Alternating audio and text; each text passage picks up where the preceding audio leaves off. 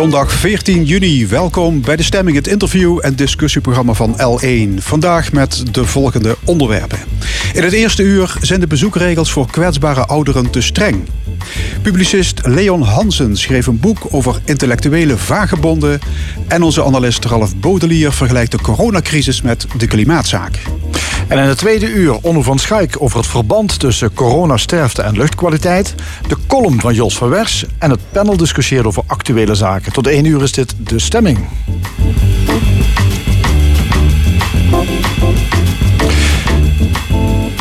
De strenge bezoekregelingen in verpleeghuizen kunnen verder worden versoepeld. Dat stelt de academische werkplaats Ouderenzorg Zuid-Limburg. Uit onderzoek is namelijk gebleken dat bij 75 verpleeghuizen het toelaten van meer bezoekers niet heeft geleid tot nieuwe besmettingen. De vraag dringt op of versoepeling ook eerder had gekund. Nogal wat deskundigen vinden van wel. De lockdown zou de situatie alleen maar erger hebben gemaakt. We gaan erover praten met Jan Hamers van de Academische Werkplaats, Ageet Bijl, directeur van Zuiderland Care... en Mario Pluimakers, voorzitter van de cliëntenraad van zorginstelling Meander. Welkom alle drie. Meneer Hamers, om met u te beginnen. Op 11 mei begon een landelijke proef hè, met 26 verpleeghuizen.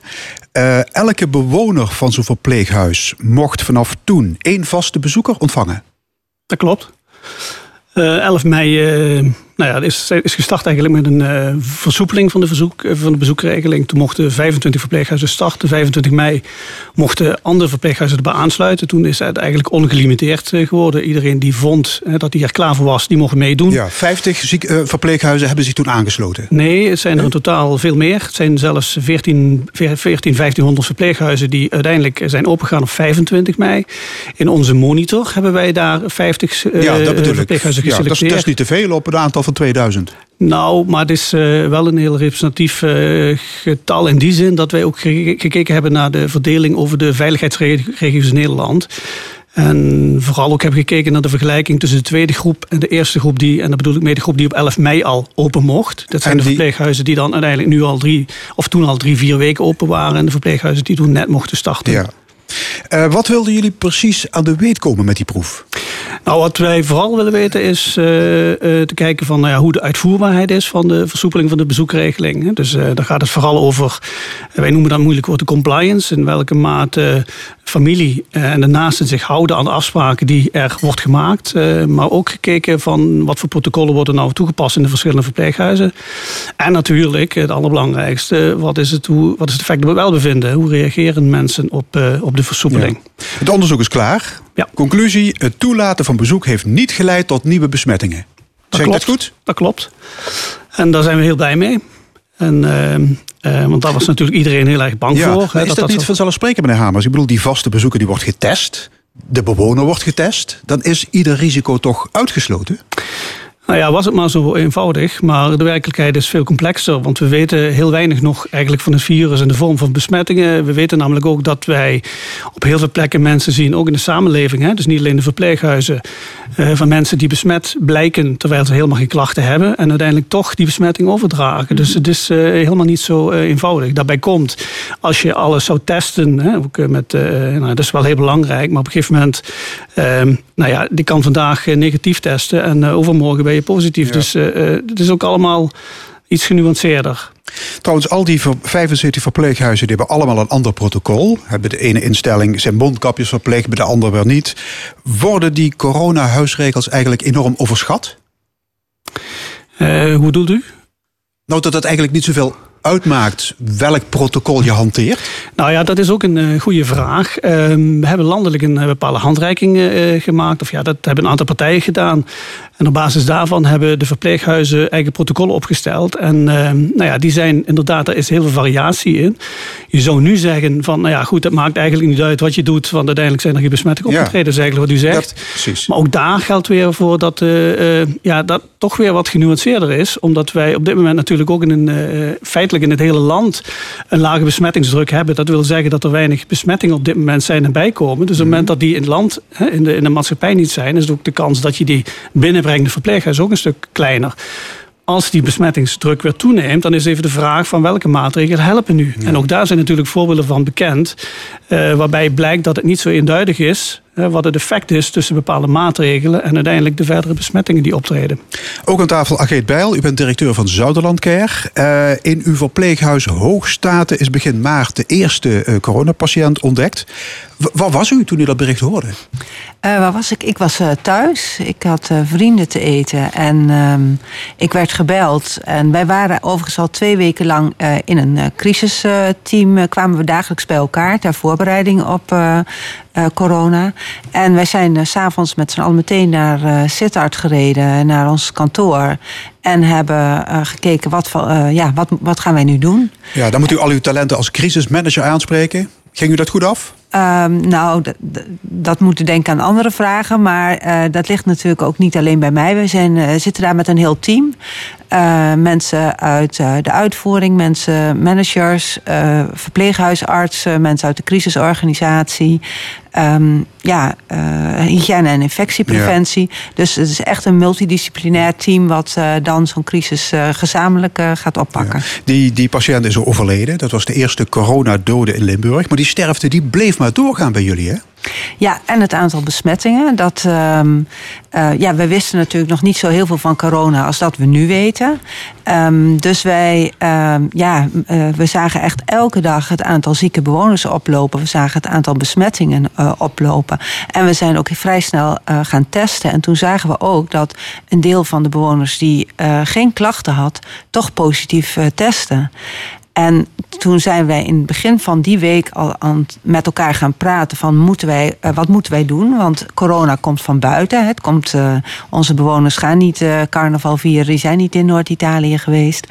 Um, dus mo moeten wij bijvoorbeeld iets met het bezoek? Nou, in het begin van die week zeiden we, nou, dat gaan we, dat gaan we nooit doen. Dit is onmogelijk dat we ooit dat besluit gaan nemen om uh, geen bezoek toe te laten in onze zorgcentra. Ja, maar begreep dan het kabinet het besluit om alle verpleeghuizen dicht te gooien? Nou, wij hebben dat zelf overigens uh, al een week daarvoor gedaan. Daarvoor. Want wij zagen vervolgens ook in onze andere huizen besmettingen. En toen dachten we, ja, wij moeten echt iets doen om te voorkomen dat ja, we, we hier allerlei, zeg maar, een soort brandhaarden krijgen. Um, en ja, we het intern uh, gewoon niet meer uh, kunnen stoppen. Ja. Ook aan tafel Mario Pluimakers. U bent voorzitter van de cliëntenraad van zorginstelling Meander. Hoe ernstig is Meander getroffen door de crisis?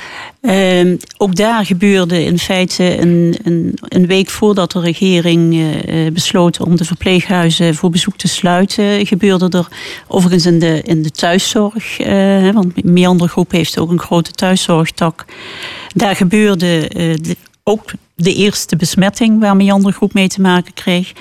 En uh, dat heeft ertoe geleid dat, uh, dat er ook een week uh, voordat de regering de maatregelen nam, dat er besloten werd om, in het crisisteam besloten werd om te sluiten. En, ja, en was de cliëntenraad het daarmee eens? Nou, want je weet dat er dan voor de bewoners een rampzalige ja. periode aanbreekt. Nou, op dat moment, want het is gewoon een enorm dilemma waar je voor staat. Hè. Het is veiligheid versus vrijheidsbeperking. En vrijheidsbeperking is in de ouderenzorg echt wel een heel zwaar iets.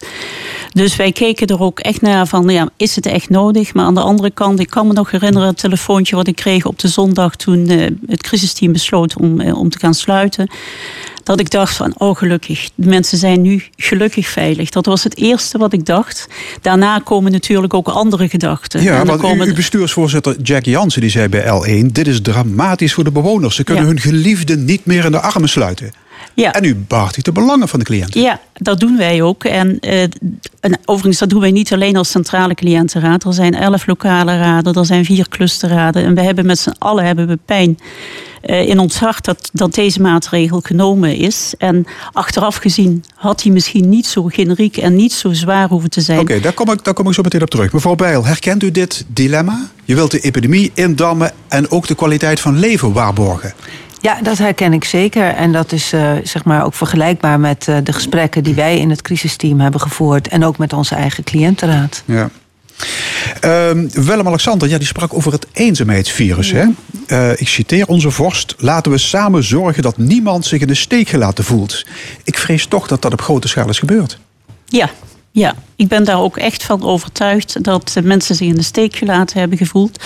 Ondanks het feit, en laat ik daar helder over zijn, ik heb een grenzeloze bewondering en wij allemaal in de medezeggenschap voor wat de medewerkers gedaan hebben bij Meander Groep. Uh, direct, indirect betrokken bij, bij, de, bij de bewoners. Maar zij kunnen nooit de naasten, ze kunnen nooit de familie vervangen, ze kunnen nooit de eenzaamheid oplossen. Met alles wat ze gedaan hebben, is dat dus niet gelukt. Ja, ik lees de laatste tijd heel veel kritiek op die strenge maatregelen. Een medisch ethicus zegt in de Volkskrant... door de lockdown hebben we de situatie voor de ouderen erger gemaakt. Dat gebrek aan contact is ze fataal geworden. Ze zijn niet gestorven door het virus, maar door verpietering. Nou, ik wil er misschien toch even, eh, als het mag... Een, Jan Hamers, hoogleraar ja, ouderenzorg. Een nuance in aanbrengen, want... Um, kijk, we moeten even ook denken dat we de discussie die we nu voeren voeren uh, met de kennis van nu. Uiteraard. En um, begin maart hadden we die kennis niet. En uh, begin maart zijn besluiten genomen waar we nu achteraf van denken van nou ja goed, dat waren goede besluiten op dat moment. Je kan daarna nu gaan, en daar gaan de discussie nu over uh, hebben, over de duur van die besluiten. Hè. Als je kijkt van omdat we langzaam maar zeker nieuwe kennis krijgen over het virus. We weten nu ook pas sinds een week of drie, vier hoeveel mensen er besmet zijn in verpleeghuizen. Dat wisten we daarvoor ook niet. Uh, we weten ook hoeveel mensen er overlijden. We weten ook hoeveel mensen er onterecht verdacht worden van COVID en die uiteindelijk wel zo behandeld worden. Hè? Dus ook in de quarantaine enzovoort. Dus het is allemaal heel makkelijk om nu achteraf allemaal daar mening over te hebben. En daarmee wil ik zeggen van uh, we moeten dus vooral ook kijken hoe je dingen anders kan aanpakken en kan verbeteren.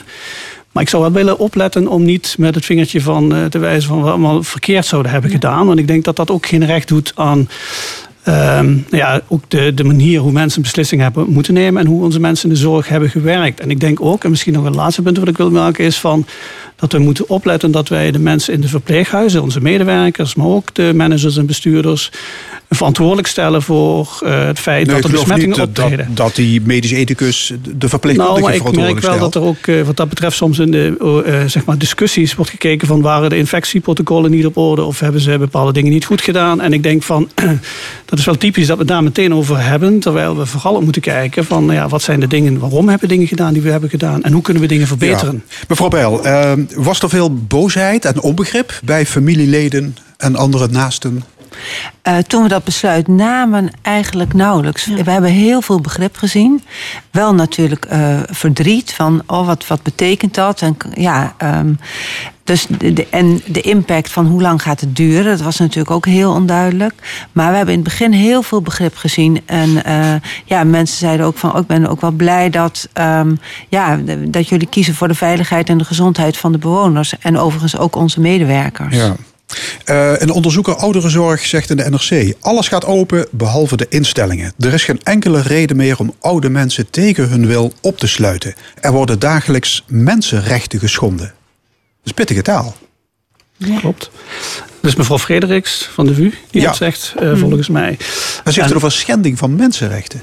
Ja, goed. Uh, ook hier wil ik toch weer een bepaalde nuance uh, plaatsen. Uh, ik vind wel het pleidooi wat zij doet waar het gaat om de verdere versoepeling. Eh, dat steun ik helemaal. Maar ehm, ik denk, ik wederom even terug naar hè, hoe het gegaan is zoals het is gegaan. Uh, um, ik zie ook, als ik kijk naar het onderzoek, hè, dat uh, als we nu verder verruimen, dat werd net al gezegd, heel veel begrip ook van naasten. En tegelijkertijd enorme blijdschap uh, dat we nu weer dat bezoek hebben. we zien ook enorm positieve reacties van de mm. medewerkers op het bezoek van de bewoners, van de familie, van de naasten. Um, we zien ook dat, eh, waar het gaat om, eh, ik noemde dan net de uitvoerbaarheid, de compliance, dat mensen zich goed aan de afspraken houden die er lokaal zijn. Hè. Ehm, tegelijkertijd is er wel één ding waar mensen heel veel moeite mee hebben. En dat is ook heel begrijpelijk, vind ik. Dat is het fysieke contact. Mensen ja. willen graag fysiek contact en officieel mag dat niet. En we zien wel over het hele land dat dat ook wel gebeurt. Um, nou ja, en nogmaals, mensen zijn natuurlijk ook sociale wezens en je wil ook graag knuffelen ja. en uh, kussens geven.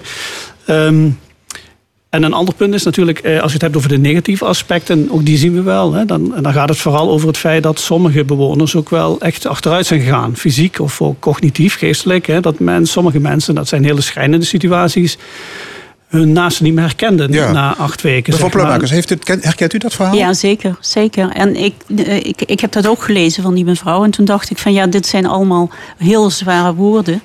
Maar ook, we moeten er ze helpen wel om op een misschien wel betere manier naar dit vraagstuk te gaan kijken. En ze helpen wel om te kijken, stel er komt een tweede, uh, een tweede golf, waar kiezen we dan voor? Ja. Als we überhaupt iets kunnen kiezen. Zou er een debat moeten komen over de vraag wat goed is voor uh, kwetsbare nou, ouderen? Ik denk dat het onderzoek wat, uh, wat de academische werkplaats uh, gaat, nu ook gaat doen. Hè, wat, zijn, hè, wat is de emotionele impact geweest van de maatregelen? Wat heeft het gedaan met eenzaamheid? Wat heeft het gedaan met ja, mensen, uh, hè, een, een, iemand binnen mijn andere groep, een bewoner die zei: Ik heb me opgehokt gevoeld. ik denk dat het heel erg helpt als we kijken van, vanuit het principe van veilige vrijheid.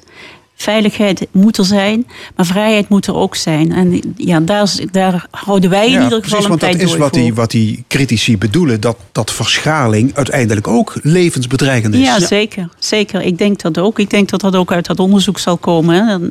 Uh, u had nog iemand uit de Volkskrant uh, die zegt van ja, mensen overlijden aan eenzaamheid. Ja, dat is Annemij T., hoogleraar langdurige zorg, die zegt in verpleeghuizen is het leven voorbij. Het gaat meer om de kwaliteit van de laatste levensfase dan om de lengte. Geef die mensen geborgenheid. Ja, en ik denk dat het de verantwoordelijkheid is van uh, zowel de, de directie als van de medezeggenschap om te zorgen dat die laatste levensfase mooi is. Ja, bijvoorbeeld dat is een lastige ethische discussies, hè? Ja, die hebben we natuurlijk aan de lijve ondervonden. Van, uh, het is een soort duivels dilemma. En zeker in de, uh, zeg maar om de, de, omgeving waarin wij werken... waar corona zo wijd verspreid is, uh, ook onder de bevolking... of was, moet ik zeggen... Um, en vervolgens ook in onze huizen... ja, dan, dan denk je van... Wij, wij moeten ook proberen mensen hier überhaupt levend doorheen te krijgen. Mm -hmm. Dat was de situatie begin maart. En nu is de situatie natuurlijk een andere... in de samenleving. Maar dat moeten we ook echt niet vergeten. Ja. Uh, mevrouw Pluimakers hint net op de uitbraak van een tweede, of een tweede uitbraak. Hè? Uh, misschien worden we getroffen door een nieuw akelig virus. Kunnen we nu al lering trekken uit deze crisis? Meneer Hamers. Ja, ik denk het zeker. Uh, dat is ook de reden dat wij ook het ministerie hebben opgeroepen om, uh, om daarna te kijken met z'n allen. Hè, van wat, wat zijn eigenlijk de lessons learned, om het zo mooi te zeggen. Hè? Wat kunnen we leren van, uh, van deze situatie? En ik denk, om even terug te komen wat net ook werd gezegd, van kijk, het verpleeghuis, we moeten ons goed realiseren dat in een verpleeghuis um, hele oude mensen wonen. De meest oude oude van ons. Het gaat gemiddeld over meer dan 80 jaar. Mensen die heel kwetsbaar en heel ziek zijn. Daarom wonen ze in dat verpleeghuis.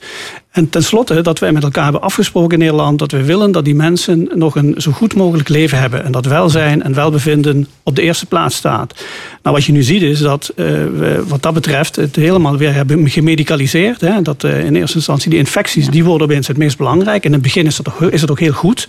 Dus ook met mevrouw Bijl net zegt, we proberen ze wel ook die ziekte buiten de deur te houden ja, met, nogmaals, met de kennis van nu kan je ook weer afvragen van uh, moet je dat zo rigoureus doen? En heb je niet ook uh, op een andere manier, en dat is denk ik wat, uh, wat de andere hoogleraren wat u net noemde, zeiden van ehm, de, de, negatieve effecten die je door, die, door het bezoekverbod met zich meebrengt. Wat gaat om de eenzaamheid, om het welbevinden. En dat is eigenlijk nog net niet wat we willen in die verpleeghuizen. Dus dat, dat is zeker een punt waar je zegt van, nou ja, daar moet je in de toekomst heel goed naar kijken.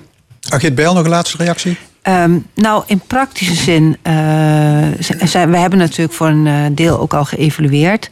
Um, wat in het begin ook heel erg heeft meegespeeld, is dat medewerkers met lichte gezondheidsklachten uh, in de zorg moesten doorwerken. Mm. Nou, dat zouden we nu nooit meer doen. Dat, ja, dat, en dat, dat was toen het advies. En ook gebaseerd op het feit dat we dachten van, uh, en ik denk landelijk uh, met name, van hoeveel mensen gaan er ziek worden en kan er dan überhaupt nog wel iemand in de zorg werken? Maar ja, dat is, Kortom, heeft natuurlijk er valt nog veel te bespreken en veel te onderzoeken. Ja, zeker. Mag ik jullie hartelijk danken. Hoogleraar Ouderenzorg Jan Hamers, directeur Zuiderland Care Ageet Bijl en Mario Pluimakers, voorzitter cliëntenraad Meander. Dankjewel. Dank je. Paul Simon, ooit de stem van een jonge generatie, behoort met zijn 78 inmiddels ook tot de senioren. American Tune. Mistaken and many times confused. Yes, and I've often felt forsaken and certainly misused. Oh, but I'm alright. I'm alright, just weary to my bones. Still, you don't expect to be bright and bon vivant so far away.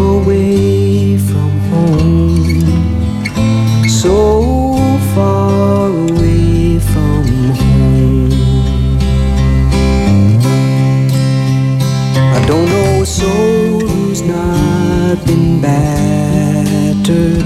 I don't have a friend who feels at ease. I don't know a dream that's not been shattered or driven to its knees. Oh, but it's alright, it's alright, for we lived so well so long. Still, when I think of the road we're traveling on, I wonder what's gone wrong. I can't help it, I wonder what's gone wrong. And I dreamed I was dying. I dreamed that my soul rose unexpectedly. Looking back down at me, smiled reassuringly. And I dreamed I was flying.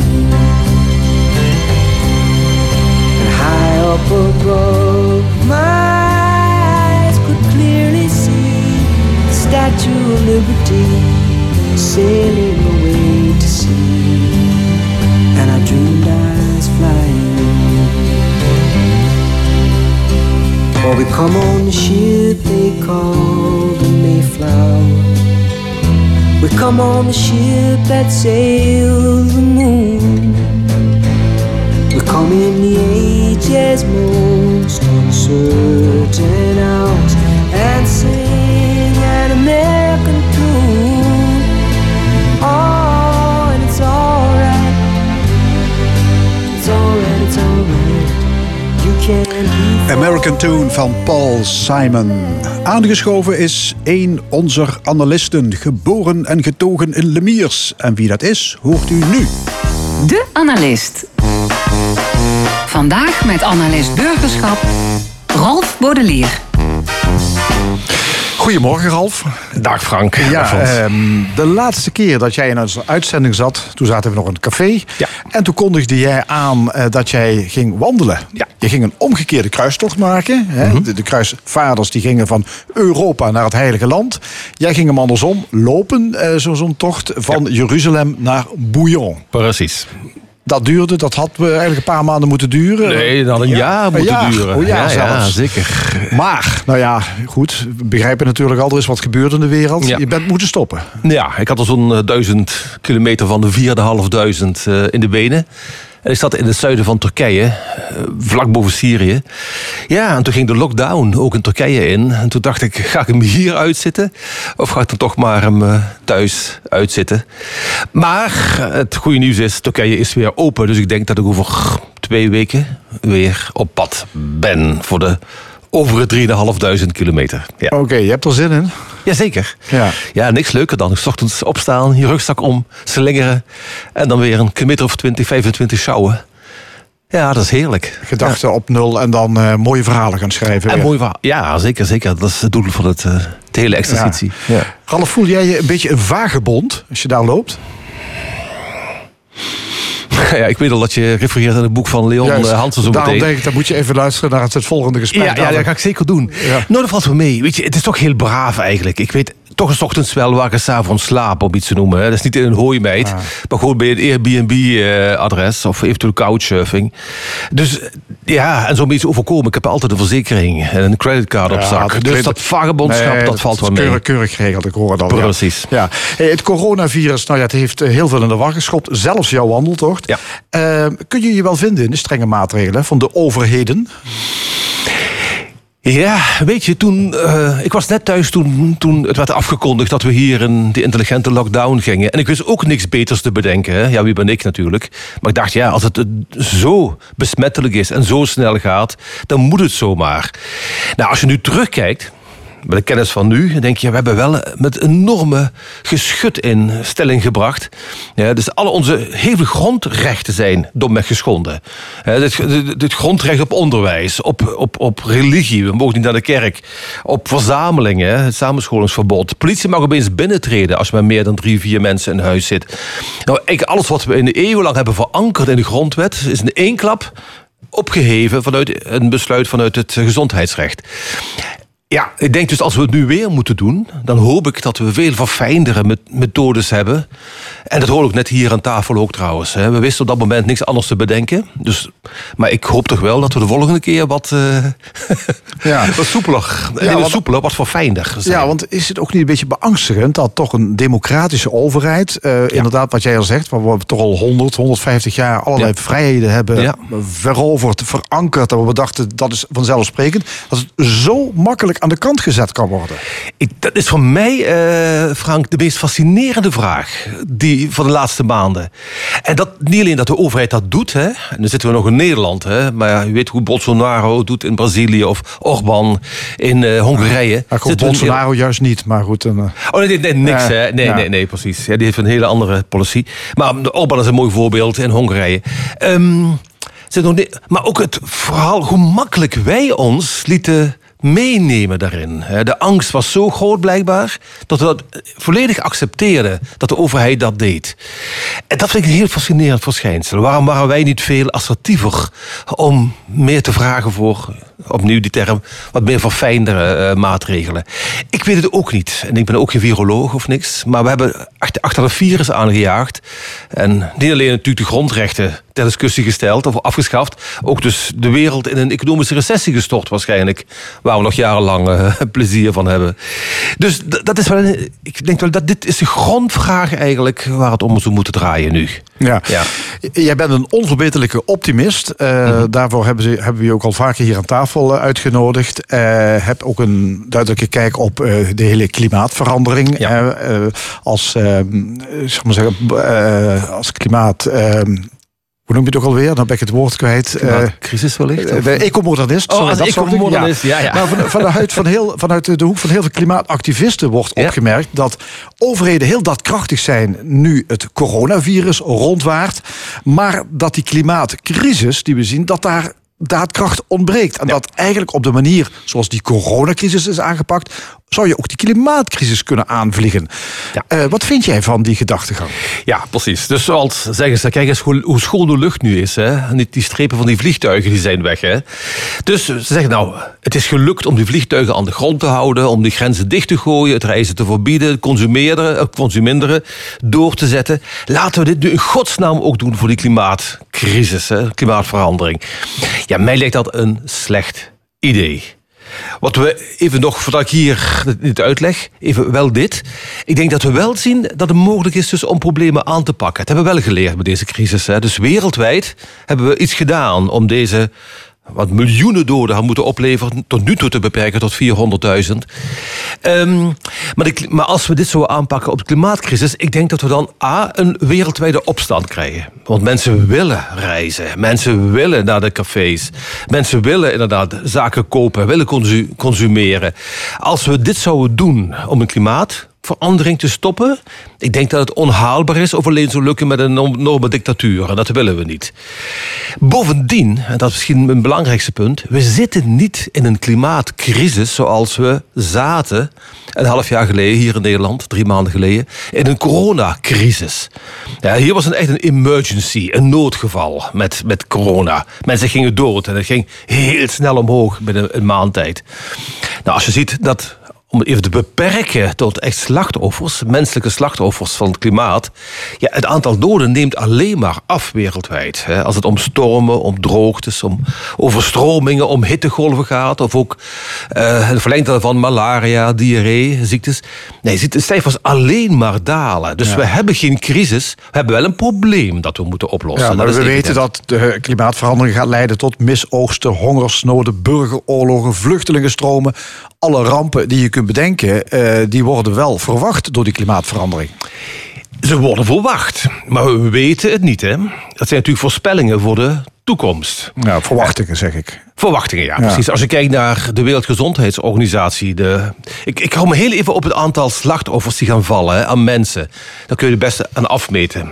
Dan zie je dat de WHO, de Wereldgezondheidsorganisatie, verwacht dat we rond 2050, over 30 jaar, zo'n 250.000 slachtoffers zouden kunnen hebben, mogelijkerwijs, door klimaatverandering. Nou, als je nu al kijkt dat corona binnen een half jaar tijd 400.000 slachtoffers eh, eist, dan zie je wel een enorm verschil tussen wat, dat we nu een echte crisis hebben en hier praten we over een verwachte crisis. Ja, en dan over die bosbranden, wat jij noemt, hè, die vluchtelingen. Ja, dat wordt al 30, 40 jaar verwacht. Hè, vanaf het moment dat de klimaatverandering op de agenda staat. En we zien ook hier dat dus de aantallen teruglopen in de percentages. Dus het is maar de vraag of die klimaatverandering zo enorm dramatisch zal uitpakken. Dat weten we gewoon niet.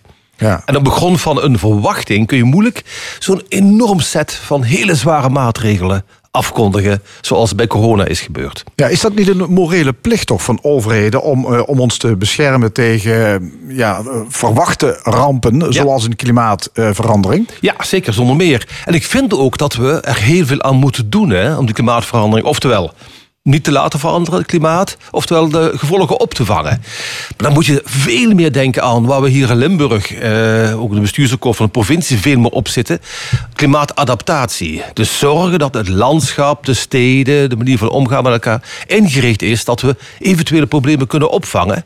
En een andere route is er vooral innovatie. Dus nieuwe soorten van energieopwekking, nieuwe soorten van landbouw, nieuwe soorten van stedenbouw, eh, die minder warm zijn bijvoorbeeld dan ze nu zijn. Ik denk dat daar de route is. Dus echt heel veel geld en alles op innovatie, op onderzoek en ontwikkeling, research and development, zoals het heet. Dan, dat is vooral de route. En niet inderdaad een dramatisch, bijna oorlogspakket opleggen, zoals sommigen uit de milieubeweging willen. A, het wordt niet geaccepteerd door mensen. En B, de urgentie is er ook domweg niet om het er doorheen te drukken. Ja, hoor je ook zeggen, het wordt niet geaccepteerd, dus het zal misschien ook wel averechts werken als je mensen door de strot gaat duwen. Ja, ik denk dat als wij ja, ik ben niet zo'n fan van radicale partijen op de flanken. Hè. Nog van links, nog van rechts. Hè. Ik zit meer in het politieke midden.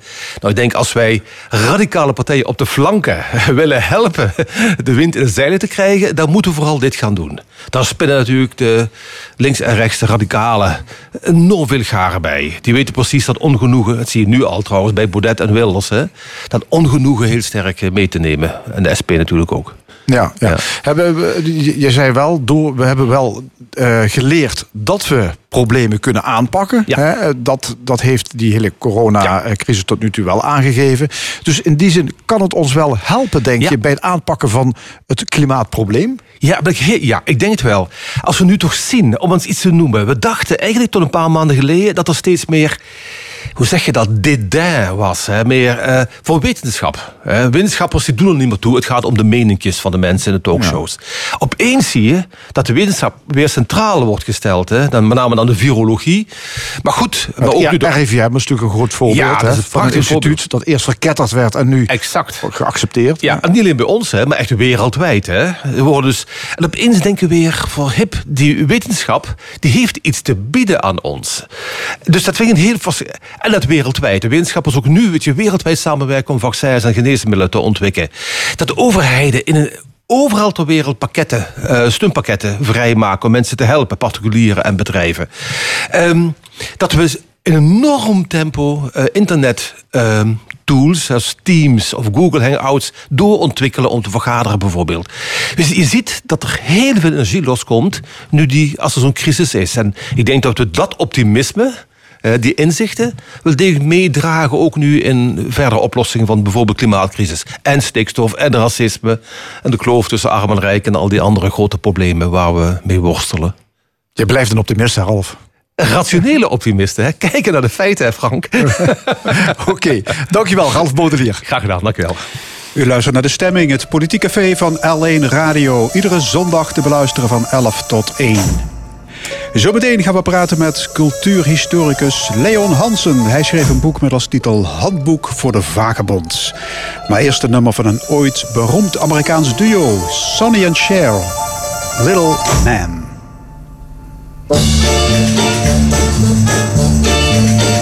Little man, when you stand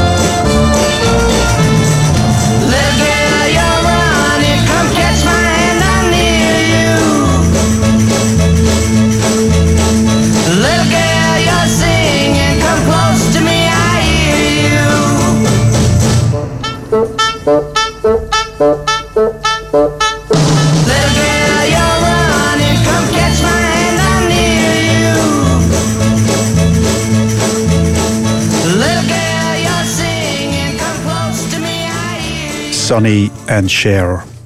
Een vagebond leeft bewust in afzondering. Hij durft alleen te zijn en is een dwarsdenker. Cultuurhistoricus Leon Hansen ontdekte dat de geschiedenis vergeven is van vagebonden. Schrijvers die in afgelegen hutten werkten aan een magistraal boek. Grote filosofen die in de wildernis tot nieuwe inzichten kwamen. En ook in onze tijd kiezen mensen voor tiny houses in de natuur om te ontsnappen aan de moderne wereld.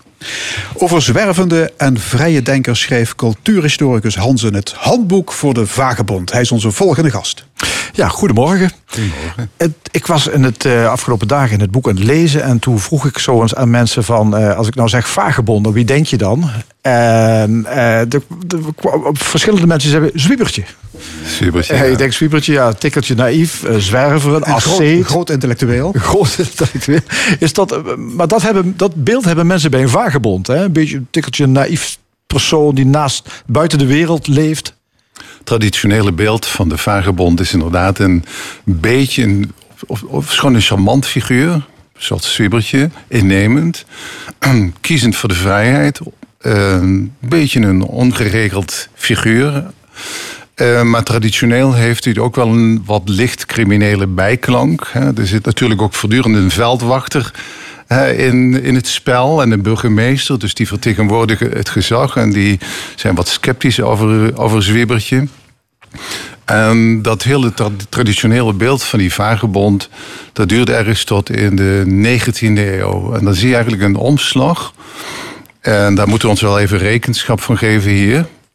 Dat uh, kunstenaars, de schilders, schrijvers, uh, muzici ook, die gaan zich identificeren met de vagebond. Juist vanwege het element van vrijheid, dat element van eigengereidheid. En ze vinden het wel aantrekkelijk om jou ook juist naast de, de bestaande wereld te gaan leven, om er Juist. even uit te stappen. Ja, anders te zijn. En ze hebben natuurlijk ook die associatie met de natuur. De 19e eeuw is al, jullie hebben het in het vorige gesprek al aangekaart, het hele thema van het milieu.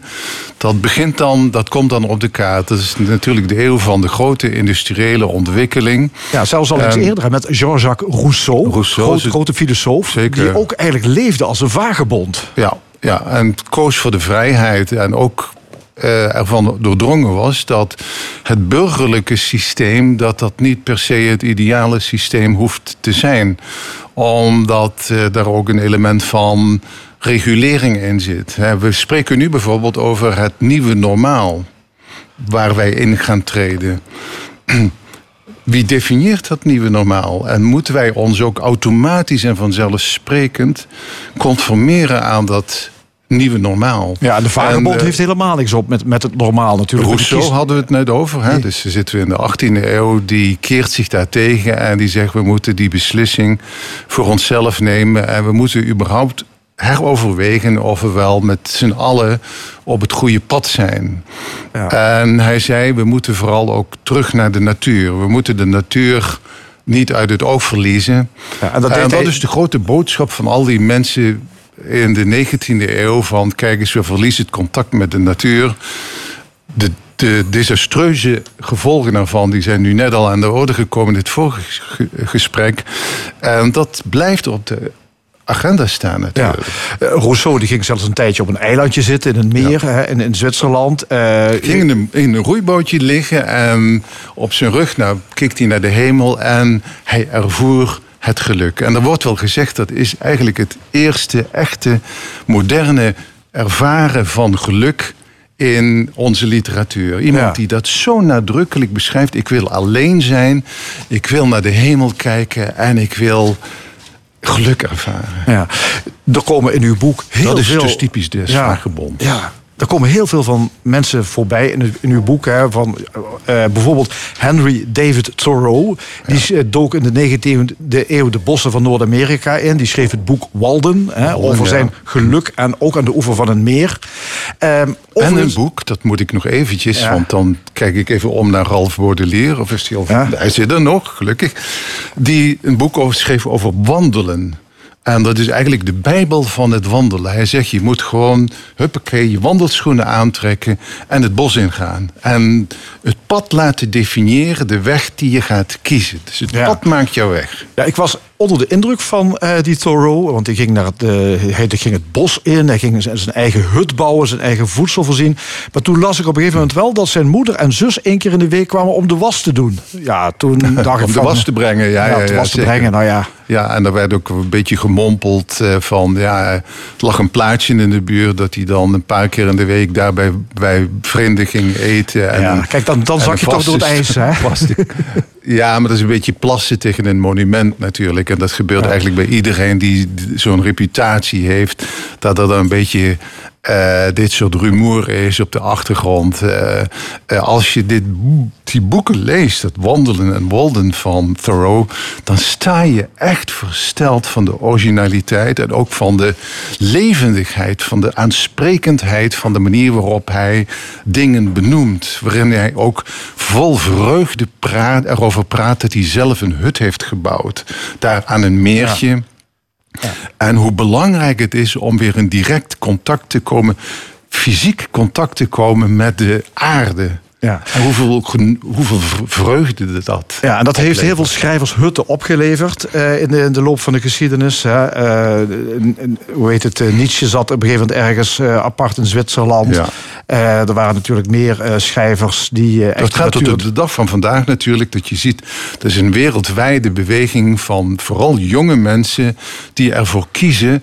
Voor een deel noodgedwongen natuurlijk, omdat de prijzen in de grote steden de pan uitreizen. Ze kunnen dat niet, zich niet meer veroorloven om daar een woning te kopen of te huren.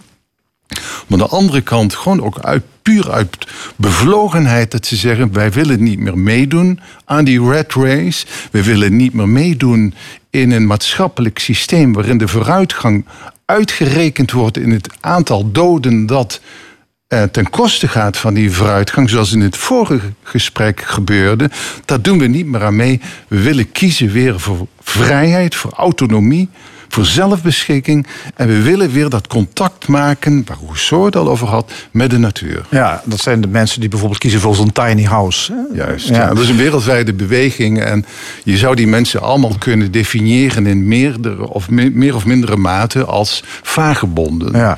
En zelfs zozeer dat je moet zeggen, het is bijna een modebeweging geworden. Omdat je dus die boeken over tiny houses en over boten waarin je kunt leven en reizen en, en campers en zo. Dat, is, het zijn koffietafelboeken geworden. Dus het is eigenlijk een heel modieus iets geworden. Zodanig dat de vagebond zelf zichzelf moet afvragen... hoe blijf ik in godsnaam nog origineel? Ja, dit, eh, u heeft het handboek voor de vagebond geschreven. Het is niet het ha- handboek van de Dat vagebond. is niet het handboek van de vagebond. Nee, want dat zou betekenen dat het over mijzelf gaat. En ja, net als Ralph Baudelaire, ik ben ook een beetje een geciviliseerd vagebond. Ik Ja, nou, u bent wel, ik las in het boek een anekdote. U bent in uw studententijd door uw, ehm, de vader van uw vriendin toen eens uitgemaakt voor een vagebond. Ja, ja daar begint het, eh, begint het boek mee. Inderdaad, dat is hier in het dierbare, diepe zuiden van, van eh, Nederland. Dat eh, ja, mijn vriendin en ik, we zouden beide in eh, Amsterdam gaan studeren op een studentenflat. Die de naam had de Zilverberg. Werd ook wel Jumping Amsterdam genoemd, omdat veel studenten daar desperaat zich eh, uit het raam naar beneden stortten. Althans, dat werd verteld de vader van vriendin en, ik waren naar Amsterdam gereden in een open Volkswagen busje om onze spullen daarheen te verhuizen. En ondertussen in die rit naartoe had ik hem verteld dat ik toch wel erg gesteld was op mijn vrijheid en me nog niet wilde vastleggen en misschien wel eens een keer daarom wilde gaan wonen en in Parijs wilde gaan wonen, et cetera. Enfin, paar weken later nodigde hij me uit. Hij was fabrieksdirecteur hier in het zuiden. En hij had, gaf mij een rondleiding door de verlaten, want het was op zondag, eh, fabriek. En die rondleiding die mondde uit voor de trap. Naar, eh, aan, aan een trap die leidde naar zijn kantoor op de eerste verdieping. En bovenop het platform van die trap keken we uit over die fabriek. En toen vertelde hij hoe trots hij wel niet was dat hij dit allemaal bereikt had. En dat hij elke dag, als hij daar stond, zich realiseerde: ik heb iets in mijn leven bereikt. Toen keek hij naar de punten van mijn zilveren schoenen, die ik toen aan had. Want het is begin jaren 70. Dus moet je denken aan Mick Jagger en David Bowie en de Glitter Rock. En hij keek naar de punten en hij zei van, ik zie dat in jou niet gebeuren. Keek me toen in mijn ogen aan en zei, je bent een vagebond. En je bent niet de ideale partner voor mijn dochter. En ik verzoek je niet langer gebruik te maken van de gastvrijheid in, in ons huis. Zo. En ik wist niet of ik moest lachen of moest huilen. Vooral lachen natuurlijk. Maar ik heb heel keurig gedragen. En daar heb je weer de geciviliseerde vagebond. Die daar niet inderdaad de man in zijn gezicht uitlacht. Maar gewoon denkt, nou ja, so be it.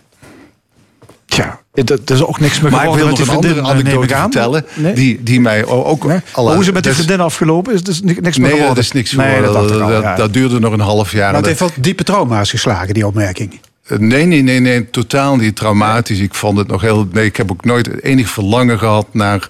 Om het evenbeeld van deze man te, te worden. Dit boek heeft mij bevestigd in, in de vrijheid, de autonomie die zo belangrijk is, überhaupt voor een intellectueel. Ik wil nog een tweede kleine anekdote vertellen, als dat mag.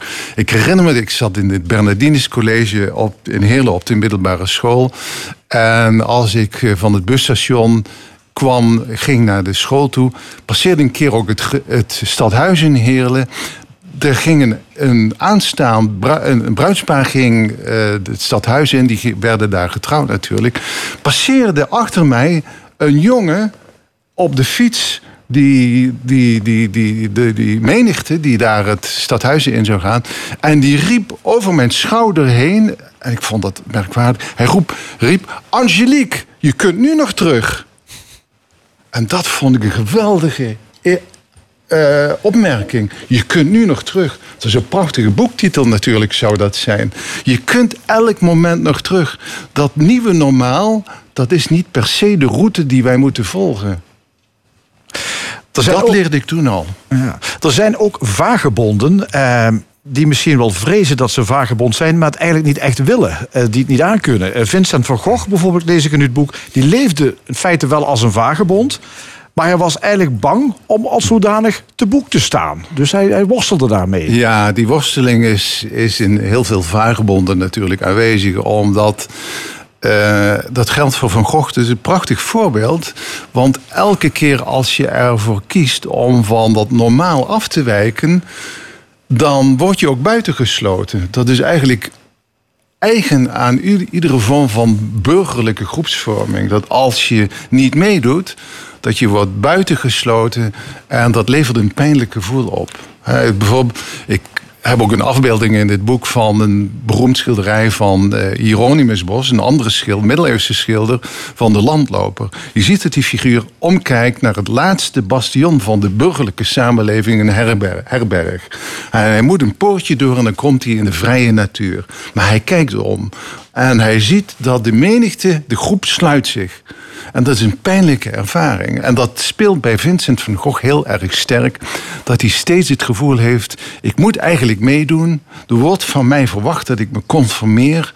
En ik word door mijn ouders ook daarop gewezen. En ik kan niet. Ja.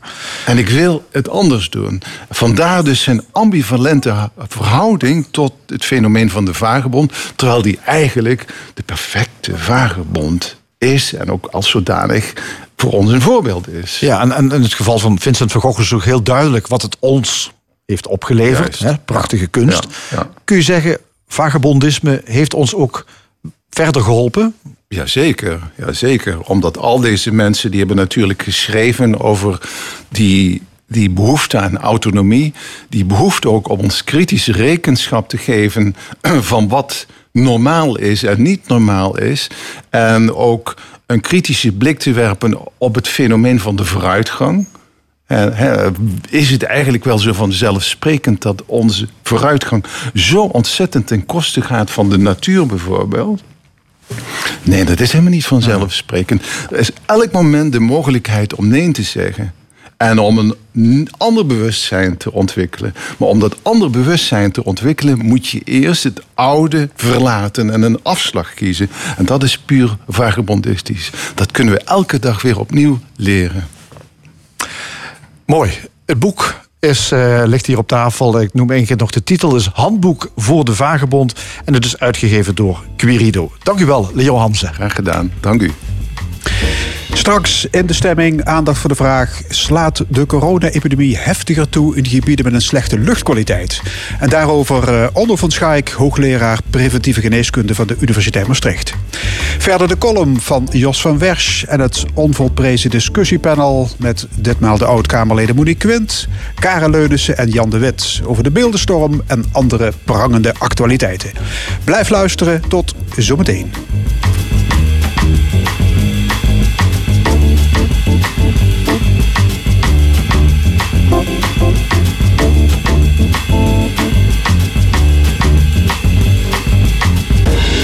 Welkom bij de stemming. Wat nog allemaal in dit tweede en laatste uur. Straks discussieert het panel met de oud-Kamerleden Monique Quint, Karel Leunissen en Jan de Wit over de beeldenstorm, de coronawet en andere actuele zaken. De column van Jos Wersch, maar eerst corona en vuile lucht. Slaat het coronavirus harder toe in gebieden met een slechte luchtkwaliteit? Het sluitende bewijs is wetenschappelijk nog niet geleverd, maar er zijn aanwijzingen dat er degelijk een verband is. Feit is dat langdurige blootstelling aan bijvoorbeeld fijnstof kan leiden tot longaandoeningen. En aangezien de lucht die we in Limburg inademen niet bepaald van topkwaliteit is, is dat een punt van grote zorg. En dat vindt ook Onno van Schaik. Hij is hoogleraar preventieve geneeskunde aan de Universiteit Maastricht. En hij is onze volgende gast. Ja, meneer Verschaik, om met dat laatste te beginnen. Wat kunt u zeggen over de luchtkwaliteit in Limburg? Ja, dat is een uh, goede vraag. Uh, dank trouwens voor de uitnodiging. Uh, als je kijkt naar de luchtkwaliteit, hoe zich dat in de afgelopen jaren ontwikkeld heeft... dan zie je in zijn algemeenheid zie je dat in Nederland... dat de luchtvervuiling wat minder geworden is. Het heeft te maken met allerlei maatregelen, zoals dieselfilters en dergelijke. Dus het is wat beter geworden. En uh, zeker natuurlijk in deze tijd... Um, in deze coronacrisis, waar veel minder gereden is, um, zie je natuurlijk dat, um, dat de luchtkwaliteit dat die gewoon duidelijk uh, verbeterd is. Ja, en in Limburg? In Limburg zie je ook dat die verbeterd is, maar het is wel zo, wat net ook al in de inleiding gezegd werd, dat naarmate je van het noorden naar het zuiden toe gaat, dan zie je eigenlijk dat de vervuiling toeneemt in de lucht. Dat heeft voor een deel heeft dat ermee te maken met uh, het feit dat uh, bijvoorbeeld in Groningen, Noord-Groningen, Groningen veel minder mensen wonen dan dat er hier in het zuiden wonen. We hebben hier een enorme bevolkingsdichtheid. En je ziet in het algemeen in de Randstad en in Zuid-Limburg Um, zie je, of sowieso in Limburg, maar met name in Zuid-Limburg, zie je dat de vervuiling groter is. Ja, en, bekrijgen ook de vuile lucht uit het Roergebied? Dat komt ook natuurlijk vanuit de industrie, uh, vanuit het Roergebied. Dat is Luikse over... industriebekken? Ja, het, is, uh, het Roergebied zit natuurlijk hier ten noordoosten van. En we hebben niet heel veel noordoostelijke wind. We hebben vooral veel zuidwestelijke wind. Dus wat we hier aan uh, zeg maar invloed van industrie is, is vooral vanuit Luik en omgeving. Maar er zit ook veel zware industrie. Ja, dus als u de lucht die wij hier inademen vergelijkt met andere provincies, waar, waar staan we dan? Dan zitten we vergelijkbaar met de Randstad. En de Randstad is slecht. ja. Dat is slecht. Okay. Ik bedoel, als je op satellietfoto's kijkt... Eh, over de wereld of over Europa... zitten we in een van de meest vervuilde gebieden Dan is Europa. dit gebied donkerrood gekleurd. Absoluut. absoluut. Uh, meneer Van Schaik, is er een verband tussen de heftigheid van COVID-19... en de slechte luchtkwaliteit? Ja, dat is een hele goede, hele goede... Het werd net al even in de inleiding verteld. Um, de, het is niet zo onwaarschijnlijk dat daar een invloed is. Eh, we weten het niet zeker. We weten bij eerdere epidemieën, zoals MERS-epidemie en de SARS-epidemie, dat er een verband is tussen luchtvervuiling en die epidemieën. Nou is er gekeken in Italië en er is gekeken in Amerika. En daar was heel opvallend dat er een duidelijke relatie was tussen luchtvervuiling in de zin van fijnstof en het aantal ziekenhuisopnamen of het aantal doden ten gevolge van corona. Dus we weten dat er een verband is. Ja, de Harvard Universiteit hè, in Amerika heeft een ja, groot onderzoek gedaan. Precies. Conclusie, woon je in een grote stad waar veel fijnstof rondwarrelt... dan is de kans om vroegtijdig aan het virus te overlijden groter. Precies. U, u kent ja. dat onderzoek? Ja, ja dat, dat onderzoek ja. natuurlijk. Ja. Uitstekend onderzoek. De Wereldbank heeft naar een aantal landen gekeken... en ze hebben daar Nederland uitgenomen als een voorbeeld. Um, omdat ze zeggen van in Nederland is er en enorme uh, bevolkingsdichtheid, um, waardoor je sowieso meer luchtvervuiling hebt. Maar in Nederland heb je ook de bijzondere situatie dat je veel intensieve veehouderij hebt naast de bevolkingsdichtheid. En daar hebben ze gekeken naar hoe ontwikkelt zich nou die Um, zeg maar die corona-epidemie. In de zin van ziekenhuisopname, maar ook overlijden. En wat heel opvallend was, dat zij wederom, en dan specifiek voor Nederland, echt hebben vastgesteld, die relatie, die is er. Ja. Ehm, ja, deze week heeft de commissie Remkes een rapport uitgebracht over stikstof. Ja. Eh, te veel stikstofuitstoot is funest voor de natuur en voor de mens. Ja. Ook? Ja, daar ben ik het helemaal mee eens. Ehm, dat is zo. Kijk, stikstof is een, een beetje een gek be- begrip. Ja, want Er moet iets- 78% van de, van de lucht die we Ja, inademen is stikstof. Hè? Precies Ja. wat u zegt. 80% van ehm, de lucht die we inademen, daar zit stikstof in. Maar dan gaat het over het stikstofmolecuul. Dan gaat het over wat je dan noemt, voor de mensen die scheikunde gehad hebben, de N2. Dat is niet schadelijk. Daar, dat is geen enkel probleem. Ik bedoel, daar gaan we helemaal niet dood aan. Wanneer het schadelijk wordt, is het als het in andere vormen voorkomt. Namelijk stikstofoxide of ammoniak. Stikstofoxide is NO2 of NO en ammoniak is NH4. Nou, die stikstofoxide die komt vooral vrij bij verbrandingsprocessen. Dus met name is dat bij uitstoot van verkeer bijvoorbeeld. En de ammoniak die komt bijna uitsluitend vrij bij de uitstoot ehm, die ten gevolge van mest en urine bij de Ja, ja, intensieve dus als stikstof bepaalde verbindingen aangaat, dan, dan is het foute boel. Ja, nou ja, dan, dan zie je dat er echt een effect is op de omgeving. En oh, dat zien we bij de natuur. Ehm, de, eh, de- het rapport van Remkes is natuurlijk vooral naar aanleiding van de pas.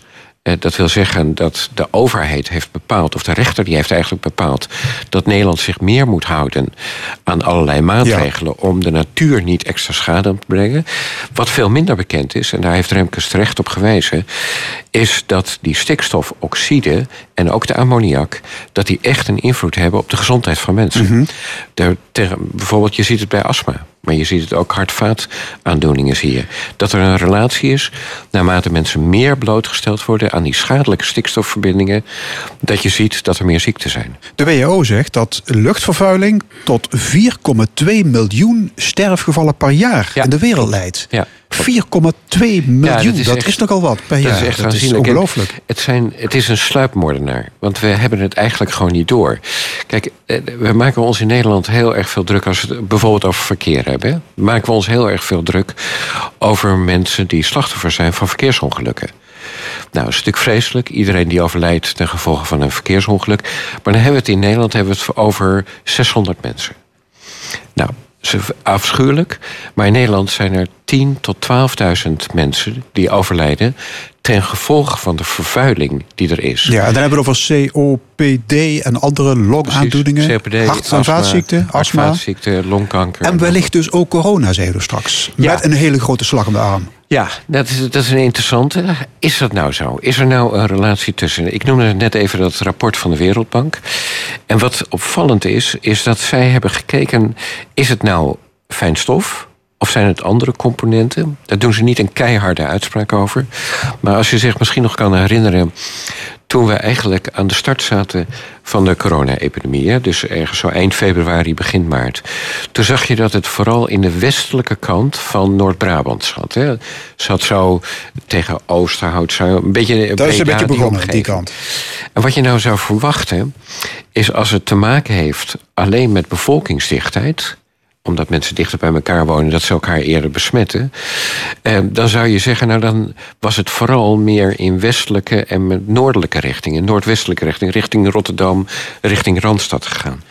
Dat hebben we niet gezien. Ja, daar zit het natuurlijk ook. Maar wat we vooral gezien hebben, is dat het meer in oostelijke richting is gegaan. En vooral meer in de richting van Eindhoven. Maar het aparte is dat het niet Eindhoven zelf is. Maar het zijn meer die buurgemeenten die daarvan zitten. En gemeenten als Pelen, Maas en zo. Die plekken waar ehm, heel veel intensieve veehouderij Ja, is. dus met name Oost-Brabant en Limburg, Noord-Limburg. Veel koeien, kippen, varkens, geiten. U zegt dat kan dus geen toeval zijn. Nou ja, dat is wel maar het zijn ook gebieden waar veel carnaval is gevierd natuurlijk. Ja, het, maar overal is natuurlijk hier in het zuiden carnaval gevierd. Ehm, en het is eh, ongetwijfeld is het meegenomen voor een deel vanuit de, de wintersport uit Oostenrijk. Dat zal allemaal waar zijn. De carnaval zal een rol gespeeld hebben. Maar als je ziet naar de uitbreiding. Dan kan je dat niet verklaren door carnaval. Dan kan je niet verklaren door dichtheid van bevolking. Daar moeten meer redenen zijn. En dan lijkt die luchtvervuiling lijkt een hele plausibele reden. Waarom ook? Niet alleen omdat als je die kaartjes over elkaar heen legt, maar ook omdat er zeg maar mechanistisch verklaringen zijn in het lichaam. Je ziet, als ik daar iets over mag uitleggen, je ziet dat in ehm, het lichaam bij mensen in de longen zijn er eiwitten. En die eiwitten, dat zijn de aangrijpingspunten voor het virus. Eh, dat noem je ACE2-receptoren, dat is een ingewikkelde naam, maar goed. Het gaat om eiwitten die zeg maar aangrijpingspunt zijn voor het virus. En wat we nou weten is van die eiwitten dat die toenemen naarmate mensen meer blootgesteld worden aan vervuilde lucht. Je ziet het ook dat het toeneemt naarmate mensen meer roken. En dat betekent dus, er is ook niet alleen dat we het dus op een kaart kunnen zien, maar er is ook een goede reden om aan te nemen waarom het zo is. Tien jaar geleden woedde de Q-koorts. Eh, een levensbedreigende ziekte die wordt overgebracht door geiten. Ik heb het alleen Annemieke de Groot. Ze is directeur van Q-support. Mevrouw de Groot, hoe denkt u over de relatie tussen de bio-industrie en gezondheid? Ja, goedemorgen. Allereerst dank u wel voor uh, de uitnodiging. Ik heb geboeid zitten luisteren naar het verhaal van meneer Van Schaik. Um, ik, uh, ik, ik denk, ik, kan er onderzoekstechnisch nog niet van zeggen. Ik bedoel, terecht, er moet nog onderzoek naar gedaan worden. Maar als je nu ziet uh, dat het kaartje van de corona één op één gelegd kan worden op het kaartje van Q-koorts destijds, dat kan bijna geen toeval zijn. Ja, uh, hoeveel ziet... mensen hebben toen Q-koorts opgelopen? Ja, je, we hebben het over getallen van 50 tot 100.000 mensen. Dat zijn nog niet zomaar getallen, ook niet. En ik denk dat het een ondergrens is. Want uh, later onderzoek laat zien dat heel veel meer mensen besmet zijn geweest. En hoe beleven en, uh, de Q-koortspatiënten deze coronacrisis? Als een, als een déjà vu? Ja, ja zeker wel. Uh, even, even voor de, de luisteraar. Q-support is een, een, een, stichting die juist zich bezighoudt met de nazorg van de patiënten. die er gaan komen of die er gekomen zijn. En dat betekent dat we op alle leefgebieden begeleiden. En wat we nu zagen met de corona is dat er een déjà vu komt van, is gekomen van nou dubbel. Ze her, herbeleefden de angst van een besmetting en wat er gebeurt, wat het doet met je. Maar ook de extra angst van we zijn al heel kwetsbaar en komt daar nog een ziekte bovenop. Uh, dus daar hebben we wel alle zeilen bij moeten Ja, die patiënten willen dat geen tweede keer meemaken. Die zijn extra Nee. op hun hoede. Extra op hun hoede. Ja, Ja. ze zijn ook echt. de- het is ook een traumatische ervaring. En dat zie je natuurlijk nu ook de mensen die eh, uiteindelijk COVID hebben gekregen. Eh, daar zie je een aantal parallellen eh, die nu ook komen. Eh, wij zijn ook gevraagd als Q-support om te gaan kijken naar een, eenzelfde manier van begeleiden van de COVID-patiënten. Dus we kijken ook nadrukkelijk naar de overeenkomsten en ook de verschillen natuurlijk. Ja, er zijn allerlei geitenstops afgekondigd. Desondanks, heb ik begrepen, is het aantal geiten de afgelopen jaren toegenomen. Klopt dat? Ja, ja. ja ik denk dat langzamerhand eh, gebeurt er heel veel. Eh, eh, bestuurlijk zijn er ook mogelijk wat meer handvaten om een geitenstop, dat beseft het groeit langzaam. Maar het is inderdaad zo geweest dat, dat na de ruimingen van 2009, toen, toen er heel veel geiten geruimd zijn, zijn bedrijven weer opnieuw gestart. Worden ze nu ook geënt. Ehm, maar eh, zijn de getallen eh, echt eh, toch weer explosief toegenomen in de periode voor de stops die nu afgekondigd zijn. Dus er zijn heel veel geiten op dit moment. U bent geen epidemioloog, maar is er kans op een nieuwe niet. uitbraak van Q-koorts? Kunt u dat inschatten? Nou, ik denk zeker niet op dit moment. De geiten worden geënt. Eh, wanneer het enten stopt, er zijn ook al wat geluiden geweest om dat eventueel te stoppen. Nou, dan denk ik dat, eh, dat het zomaar op de loer ligt. Eh, zoveel dieren op een vierkante meter, het werd straks even genoemd. Zoveel dieren op een vierkante meter brengt gevaren met zich mee. Hè? En, bij de Q-koorts was dat een bacterie die zich door de lucht ging verspreiden. Wanneer je niet inent, dan weet je dat het weer op de loer ligt. Waar het mogelijk nu nog vandaan kan komen, is van alle hobbygeiten en hobbyschapen. Die hoeven niet ingeënt te worden. Ja. En daar eh, kan Q-koorts nadrukkelijk wel voorkomen. Onno van Schaik, hoogleraar preventieve geneeskunde. Wilt u nog iets kwijt? Reactie? Nou, ja, de- de- de- het is natuurlijk wel frappant. Kijk, de Q-koorts is een, ehm, ehm, een, een ongekende epidemie geweest. Dat is nog nooit eerder in de geschiedenis... en nog nooit elders geweest dat er zo'n epidemie opkwam. En in het begin werd er een beetje gekscherend over gedaan... en werd het een beetje gebagatelliseerd. Nu weten we wat een, echt een drama het is. En ik denk eh, dat mevrouw de Groot het ontzettend goed heeft uitgelegd... wat het voor mensen betekent. Het is wel anders dan de corona-besmetting. omdat ehm, de Q-koorts wordt natuurlijk altijd overgebracht door dieren. Ja, bacterie. Een bacterie eh, die in de lucht wordt eh, ingeademd. Eh, daarin lijkt het wel, maar het is een virus. En het virus wordt natuurlijk vooral van mens op mens overgebracht. We hebben het voorbeeld wel van de nertsen. ehm, dat het van een dier op een mens overgebracht kan worden. Maar dat is toch een minderheid. Dus je kunt het niet helemaal één op één eh, zeggen dat het hetzelfde is. Iemand die één keer Q-koorts gehad heeft... kan niet opnieuw besmet worden eh, met de Q-koortsbacterie. Dus er, er zijn wel verschillen. Maar goed, het is wel frappant. Ehm, en het is ook in dat gebied... en ik kan me heel goed voorstellen dat mevrouw de Groot zegt... dat echt een, het, het is zo traumatisch geweest, zo dramatisch voor de mensen geweest... wat ze ervaren hebben. En in het begin ook helemaal niet dat het erkend werd als een, als een ziekte. En het is een vreselijke ziekte. Ja, maar mensen- voor de Groot klopt dat? Werd het in het begin ja, niet erkend? Jazeker. Ik denk dat het grootste trauma van de mensen zit in het feit dat het jarenlang gebagatelliseerd is. Eh, toen het eindelijk, en daar hebben, we spreken dan over de epidemie van 2007 tot 2009. Hè, en nu hebben we het over een paar maanden en de wereld staat op zijn kop. Maar toen duurde het jaren en werden mensen ziek en kwamen overal terecht bij een arts die zei: Mevrouw, meneer, stelt u niet aan. Ehm, het was ook in de tijd van de Mexicaanse griep. Dus die kreeg ook alle aandacht. Eh, dus het is heel lang onder de radar geweest. En de lange termijn gevolgen werden ook nog niet erkend en herkend. Eh, Er zijn twee, eh, twee zaken. Eh, ik zie gelukkig wel parallellen, want ik ben het helemaal met meneer Van Schaik eens dat, dat, dat het niet helemaal één op één te projecteren is. Eh, zeker niet. Maar wat ik goed vind nu van de corona is dat wel direct gezegd is van eh, er kunnen lange termijn gevolgen zijn en laten we niet proberen te in, eh, in te zetten op die nazorg. Eh, want hoe eerder je helpt, hoe meer erkenning het voor de mensen is. Ja. En anders dan de Q-koortspatiënt. Oké, Die Anne- daar echt naar hebben moeten zoeken. oké. Annemieke de Groot van Q-Support, hartelijk dank. Graag gedaan. Meneer Van Schaik, ik heb begrepen dat er een groot internationaal onderzoek wordt opgestart. Hè, eh, met deelname van 40 landen. Om de Ja. relatie Ja. tussen corona en luchtkwaliteit nog eens Ja, goed te onderzoeken. dat- Daar bent u blij dat- om? Ja, daar ben ik ontzettend blij Ja. om. Stel dat de uitslag bevestigt wat u vermoedt. Dat kan dan niet zonder maatschappelijke gevolgen Nee, blijven, denk- hè? Of wel? nee, dat, dat, dat denk ik ook echt absoluut. Dat we gewoon in, ehm, dan daarmee door moeten gaan. Het hangt natuurlijk helemaal vanaf van wat er precies uitkomt. Nee, oké, maar, maar dan zal er misschien een deltaplan moeten komen om die Ja. luchtkwaliteit in Nederland en elders te Ja, verbeteren. dat is er, eh, maar we Dat houden er. ons er niet zo goed aan. Oké, Ehm, dat heb ik vaker gehoord. Dus dat betekent dat je, dat je dan veel harder moet trekken aan die maatregelen... die we al in het verleden met elkaar hebben afgesproken. Nou helpt gelukkig natuurlijk zo'n ontwikkeling als elektrische auto's. Ehm, ook dat eh, nu op dit moment rondom de pas en rondom de plannen van Remkes... dat er natuurlijk de minder uitstof is van stikstof, dat helpt natuurlijk allemaal wel. Ja, en vergeet de Europese Unie niet.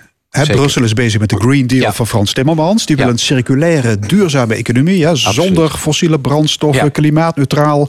Timmermans zegt, straks moet je schone lucht in de binnensteden kunnen ruiken. Lijkt me geweldig. Wat is uw gedachte bij zo'n uitspraak? Nou ja, heerlijk. Gelooft u erin? Ja, nou, eh, zeker, het kan. Het kan. Het, is, het is, we hebben voorbeelden in de wereld. Hebben we, eh, laat, ik- laat ik u een voorbeeld eh, noemen.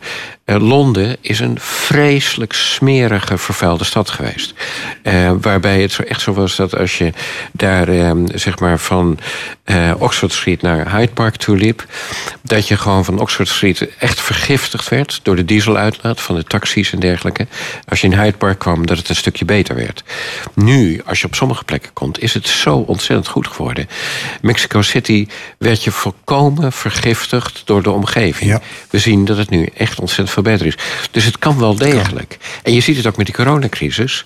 Je ziet, ja, als je het verkeer en andere ellende stillegt...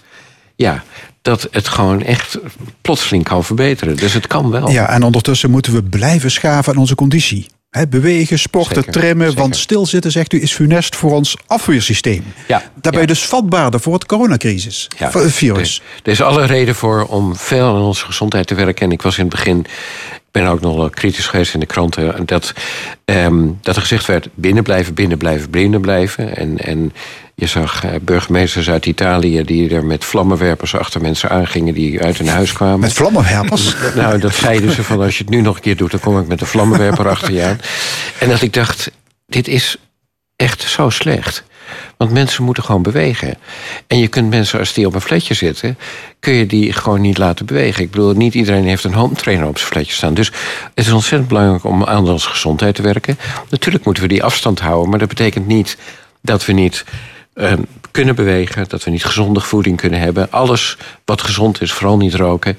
dat is ontzettend belangrijk om die afweer gewoon te verbeteren.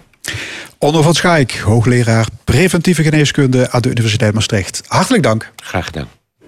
En tot 1 uur is dit de stemming. Interviews en discussies op L1 Radio. En eh, dadelijk de column van Jos van Wersch. Eerst U2 en Mary G. Blige. Dit is One. Is it getting better?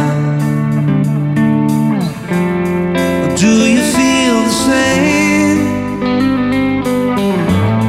Will it make it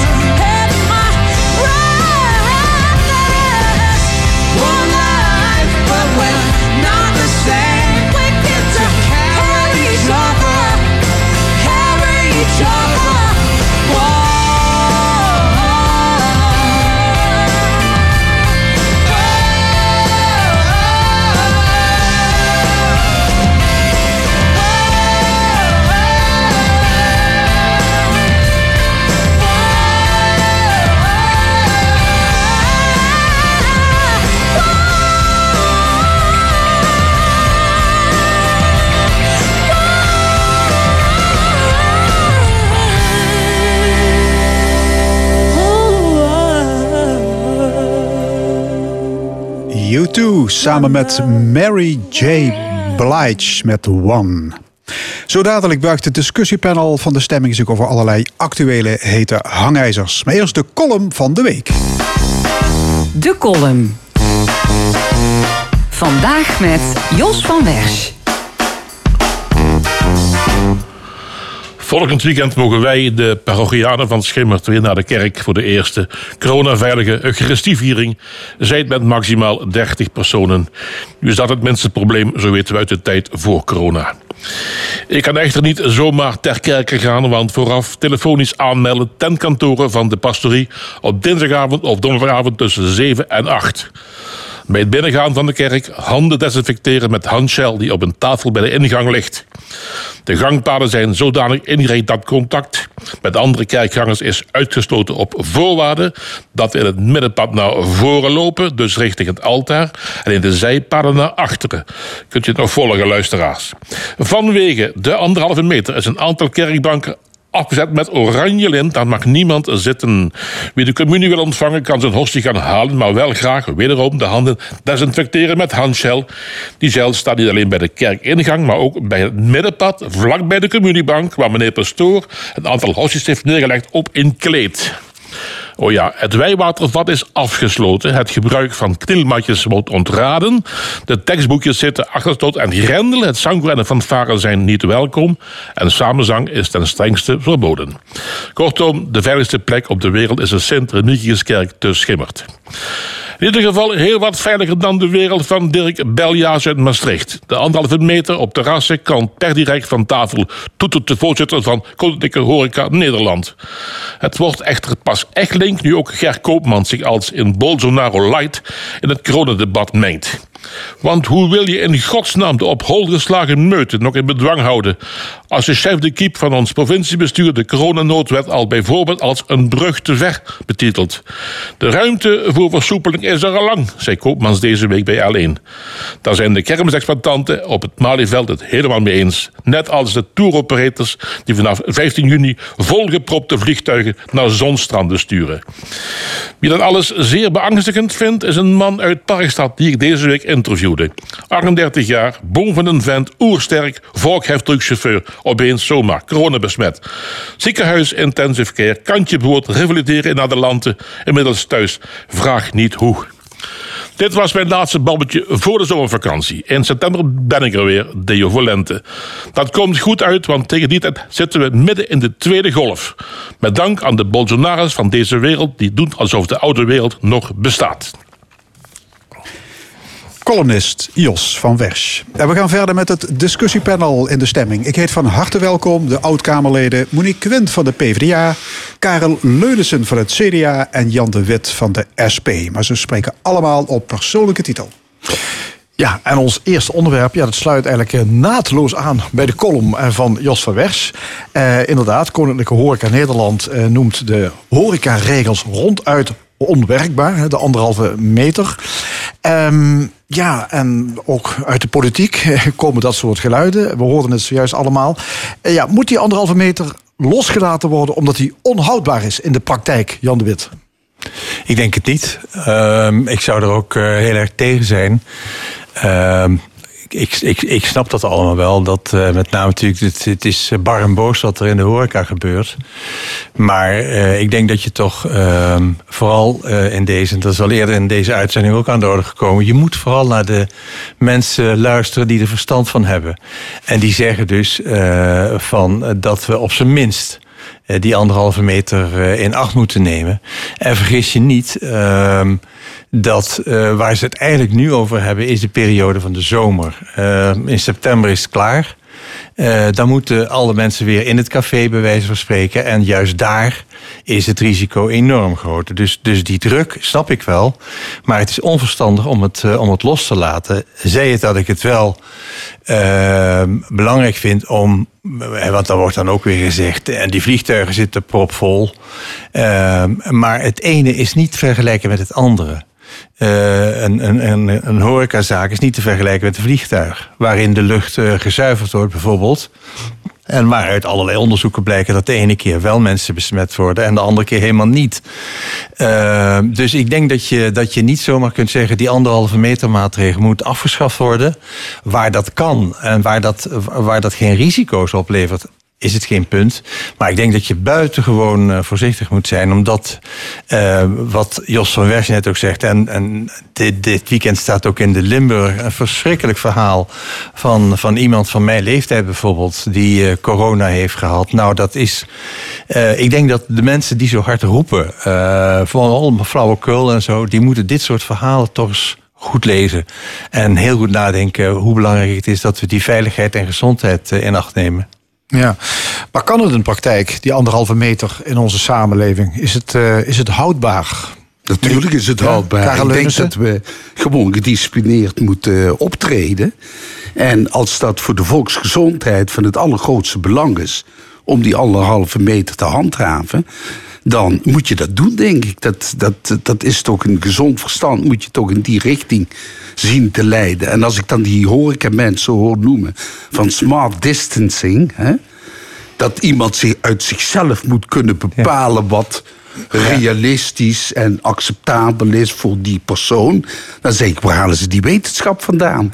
Het is bewezen dat die anderhalve meter van cruciaal belang is om die druppels niet bij iemand anders uh, in de luchtpijp te krijgen. Nou, dan moet je je daar aan houden, want het, het gaat echt om de volksgezondheid. Hè? Er zijn er 10.000 mensen, als je de oversterfte meeneemt, al overleden. En er zijn er ook nog 40.000 die thuis zitten met restverschijnselen. En daar zijn jonge, arbeidzame mensen bij... die gewoon nu uit het leven min of meer gerukt worden. En thuis zitten en niet meer kunnen lopen vanwege kortademigheid. Die langdurig gerevalideerd moeten worden. We hadden het net over de Q-koorts. Net zo'n hangover heeft dat gehad. Nou, ik denk dat het coronavirus nog erger wordt. En het tweede punt wat ik nog wil maken is... als we een tweede golf krijgen... dan is het uit en over met die horeca. Dan gaat 80% van die bedrijven over de koop. Mm Is gewoon klaar. Ja, maar dus nu natuurlijk al, hè? 60% van de horeca zegt ja, wij draaien niet eens kiet uh, als we nu uh, de zaak op uh, doen. Um, en ja, die horecaondernemers willen hun gasten niet wegjagen, Monique Wind. Ja, wat je vooral ziet in de problematiek van moet ik me daaraan houden, ja of nee, is de onduidelijkheid die vanaf het begin, als je naar de persconferenties kijkt van de vertegenwoordigers van ons kabinet, uh, dan is een bepaald soort uitdrukking tussen oren van een heleboel mensen gaan zitten. Ik vertrouw op uw uh, gezonde verstand. We moeten het samen doen.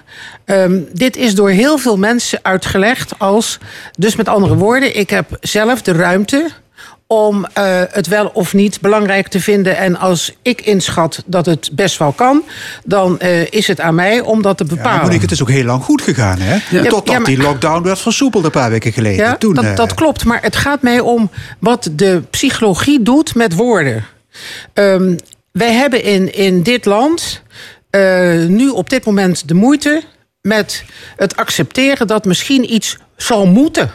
We werken met noodverordeningen. Daar komen we misschien mm -hmm. trouwens nog op. Uh, dat is een, een bestuursrechtelijk probleem waar we op dit moment mee zitten.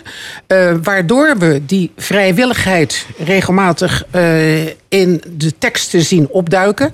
Um, er moet geverbaliseerd worden je hebt op dit moment de grootst mogelijke problemen met de BOA's. Die moeten verbaliseren. Die moeten dus mensen tot de orde roepen. U doet iets wat niet mag. En in het ene gemeente gebeurt dat met een bepaalde straf. En in de andere gemeente gebeurt dat met een andere straf. Um, er is voor veel mensen een gevoel van willekeur gaande in het beoordelen van een overtreding van zo'n noodverordening. Um, daarom wil men ook zo snel mogelijk een wet hebben om daar een ja, wettelijke de, de, basis de wet, onder te de leggen. wet willen we zo meteen opkomen. Ja, nee, maar, maar als je waar het mij om de gaat is. de- ja, maar ja. waar het mij om gaat is, is wat leeft er dus voor beeld bij de mensen? Ehm, er, er is geen gevoel van het is daar, dit mag wel en dit mag niet. En ehm, daar wordt op gehandhaafd en dat wordt in Den Helder op dezelfde manier gedaan als in Simpelveld. Ehm, daar staat een straf op, Ehm, want er moet een straf op staan, want het gaat hier om dood en verderf.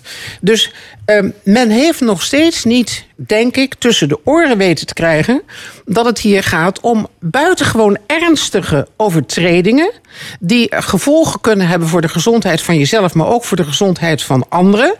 En dus wordt er ehm, bijna luchtig over gedaan. Want je, op het Vrijthof kan je het zien. Ehm, ik kan uit de Maar verte... Monique, jongeren houden dat niet vol, die anderhalve meter samenleving. Ja, maar, wat is hou- ja, maar dan zijn we dus doen. bij een ander probleem. En dat is ehm, hoe zeer zijn wij bereid om al die verhalen over... dit is economisch noodzakelijk, of het nog gaat om de KLM redden... of Q-Park extra geld geven, of god nog weten wie we allemaal geld moeten geven. Dat is economisch noodzakelijk. Maar als we dadelijk de helft van de bevolking aan een corona, aan een COVID-19 zien lijden... mag ik eens vragen wat dan de economische gevolgen zijn? Ja, dus eh, volgens, mij, volgens mij is het ook zo dat je eh, met name de, de pleidooien vanuit de horeca hebben natuurlijk een soort vliegwiel-effect op andere, eh, op andere sectoren in, in de samenleving. Hè? Bijvoorbeeld eh, de bus, het busvervoer. Ja, de kermisexploitanten, de De kermisexploitanten. En het punt is natuurlijk, eh, naarmate, en dat is wat, wat ik ook wel erken wat Monique zegt, op het moment dat je dat vrijlaat en zegt jongens, nou kan het, nou kan het weer, dan gaat natuurlijk dat echt enorm toenemen. En wat hier speelt, en eh, met name ook ten aanzien van, eh, van jongeren, maar ik denk dat je hier een, eh, eigenlijk een, diep, een dieper verschijnsel raakt. En dat is gewoon de individualisering in onze samenleving. Het idee van solidariteit en zorg voor de ander. En zorgen dat de ander niet ziek wordt, bij wijze van spreken, is ver weg in Nederland. Steeds verder weggeraakt. Dus de individualisering heeft ertoe geleid en leidt ertoe dat een hele grote groep mensen denkt: van ja, maar ik weet het toch beter. En waar het mij om gaat, is dat het, dat het mij goed gaat en waar ik zin in heb, dat ga ik doen. En dan moet je van goede huizen komen, wil je dat tegenhouden. En dat is echt funest eh, voor mensen dat ze niet gewend zijn om met tegenslagen of met discipline of met eh, hoe je het ook wil noemen, met enige eh, terughoudendheid eh, op te treden. Omdat het gaat om een veel groter belang Ja, dan dat- hun maar eigen met andere belang. woorden, ik heb, een, ik heb een behoefte en die moet nu bevredigd Ja. worden. Ik wil nu op een terras zitten en ik wil nu een pilsje drinken. Ja. En dat moet kunnen. Ja. En ik wil nu op vakantie. Ik heb de meest afgrijzelijke zinnen gehoord de afgelopen tijd. Ik heb recht op vakantie. Ja. Eh, ik ben er toe om naar Ibiza te gaan of naar weet ik waar ze allemaal naartoe moeten. En dan denk ik bij mezelf, mensen horen jullie wat je zegt? Maar het is Nou, wel... maar het is dit is, niet alleen die individuele mens die dat wil. Hè, dat speelt natuurlijk een heel belangrijke rol. Maar het is natuurlijk ook de economische lobby die daarachter zit. Natuurlijk. De kermisexploitanten, de horeca, de sportscholen. Allemaal komen ze langs op die talkshows. maar gaan ze dat uiteindelijk dat en toch... Die druk zal groter worden vanuit En die de economische druk sectoren. zal groter worden vanuit die economische sector. Nou, wat Rutte nu probeert, en daar heb ik heel veel begrip voor... is langzaam de maximale eh, mate van soepelheid te realiseren. Wat kan, dat zal hij doen. Maar hij monitort dat voortdurend via dat dashboard. En dan gaat het weer op lockdown. Als het misloopt, kijk maar in China. Peking was helemaal open. Is nu weer deels een lockdown. Dat kan altijd gebeuren. En ja, die mensen moeten begrijpen dat. Natuurlijk is het heel ernstig dat het economisch achteruit gaat. Maar de, de kans dat het definitief achteruit gaat, wat ik net zei, die is toch veel groter. Maar dat zit niet op het netvlies. Maar Monique, dat is toch ook onmogelijk? Want zolang als mensen bestaan, zoeken ze elkaar op eh, om in elkaars nabijheid te zijn. Dit, dit, zou, een- dit zou een breuk zijn in de mensheid als je vanaf nu gaat zeggen... je mag maar anderhalve meter afstand Ja, maar- houden. nee, maar dat Frank, moet je tot een, lu- luister, hè, je, je weet wat mijn oorspronkelijke vak is. Als je dit loslaat, dan moet je ook de consequenties nemen die dat in de historie voortdurend heeft laten zien. En dat is dat een bevolking voor de helft sterft. Dan moet je dus accepteren dat de helft van de Nederlanders het niet overleeft. En zo kan ik nog wel een tijdje doorgaan. Wat in Afrika op dit moment gaande is, dat levert het risico op dat er ongelooflijk veel slachtoffers vallen. Omdat de voorzieningen daar op geen enkele wijze maar in de buurt komen van wat wij hier in het Westen hebben gerealiseerd.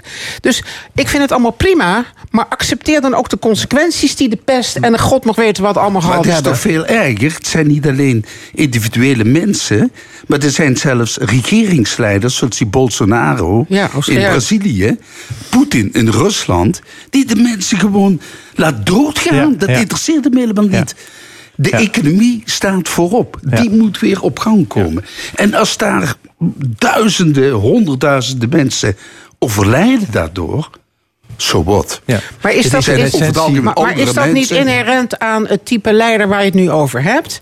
Eh, voor hen is het belang van het volk, sorry dat ik het zo zeg, nog nooit bovenaan het lijstje Maar dat gekomen. worden er wel veel, Monique, hè? Nee, dat weet optelt, niet. hè. Nee, maar ik bedoel, we hebben op dit moment ook nog, dat valt samen met deze corona-ellende, in een aantal landen mensen aan de macht die echt niet op een paar duizend mensen kijken. Dat bewijzen ze door allerlei andere beleidsinstellingen die ze ten beste geven. Als het gaat om schone lucht, het verleggen van rivieren. Het interesseert ze geen fluit. Ze offeren dorpen op omdat er ergens een elektriciteitscentrale moet worden gebouwd. En dat er dan gewoon een paar duizend ja, dat mensen zijn, de, moeten dat zijn vertrekken. de economische belangen. Waar, Ja, ja, eh, waar, maar- waar gaat het over? Het belangen van Maar de het, eh, gevoelloosheid waarmee daar mensen voor worden opgeofferd... door dit soort type leiders... en meneer Trump helaas begint langzamerhand driftig te lijken op al dit soort types. Het interesseert hem geen fluit als hij maar populariteitsscores heeft. Nee, Nou, in, in aanzet hebben we ook in Nederland eh, die discussie. eh, namelijk, eh, sluit die oude lui gewoon op. Ja, 60 en min. laat ons onze gang gaan. En als, ja, dan krijg je dus het beeld dat Karel schetst en jij ook. Dan komt op een gegeven moment echt een enorme reactie in de samenleving. waar, je, waar, je niet, waar je niet goed van wordt. Of waar je dan inderdaad letterlijk niet, En- niet goed en wat bij En het is hetzelfde denken eh, wat te maken heeft met toch dat, dat eh, gevoel van als het mij maar goed gaat, dat is het enige dat telt. En eh, wij hebben geen last van corona, dus wij moeten onze gang kunnen gaan. En die oude, die, die, die zet je maar in quarantaine. En daarmee maken ze het eigenlijk voor de ouderen nog veel erger dan het zou kunnen zijn. Ja. Goed, ander onderwerp. Het stikstofbeleid in Nederland moet veel strenger. De huidige kabinetsplannen zijn onvoldoende ambitieus. Er moet een flinke scherp bovenop. Dat is de boodschap van het deze week gepresenteerde stikstofrapport van de commissie Remkes. Karel Leunissen, wat vind jij van het rapport? Nou, eh, ik, ik sta helemaal achter het rapport. Ik denk dat Remkes eh, daar volkomen gelijk in heeft. Het eh, komt nu alleen op een, eh, op een verschrikkelijk slecht moment eh, wordt het gepresenteerd. Namelijk, we zitten nu natuurlijk, we gaan naar een hele diepe economische crisis als gevolg van het coronavirus. Als je dan ook nog die, die, die zaken moet waarmaken die Remkes eigenlijk voorschrijft in dat stikstofrapport, dan denk ik dat het eh, optelt. En niet alleen optelt, maar dat het nog multipliceert. Hè?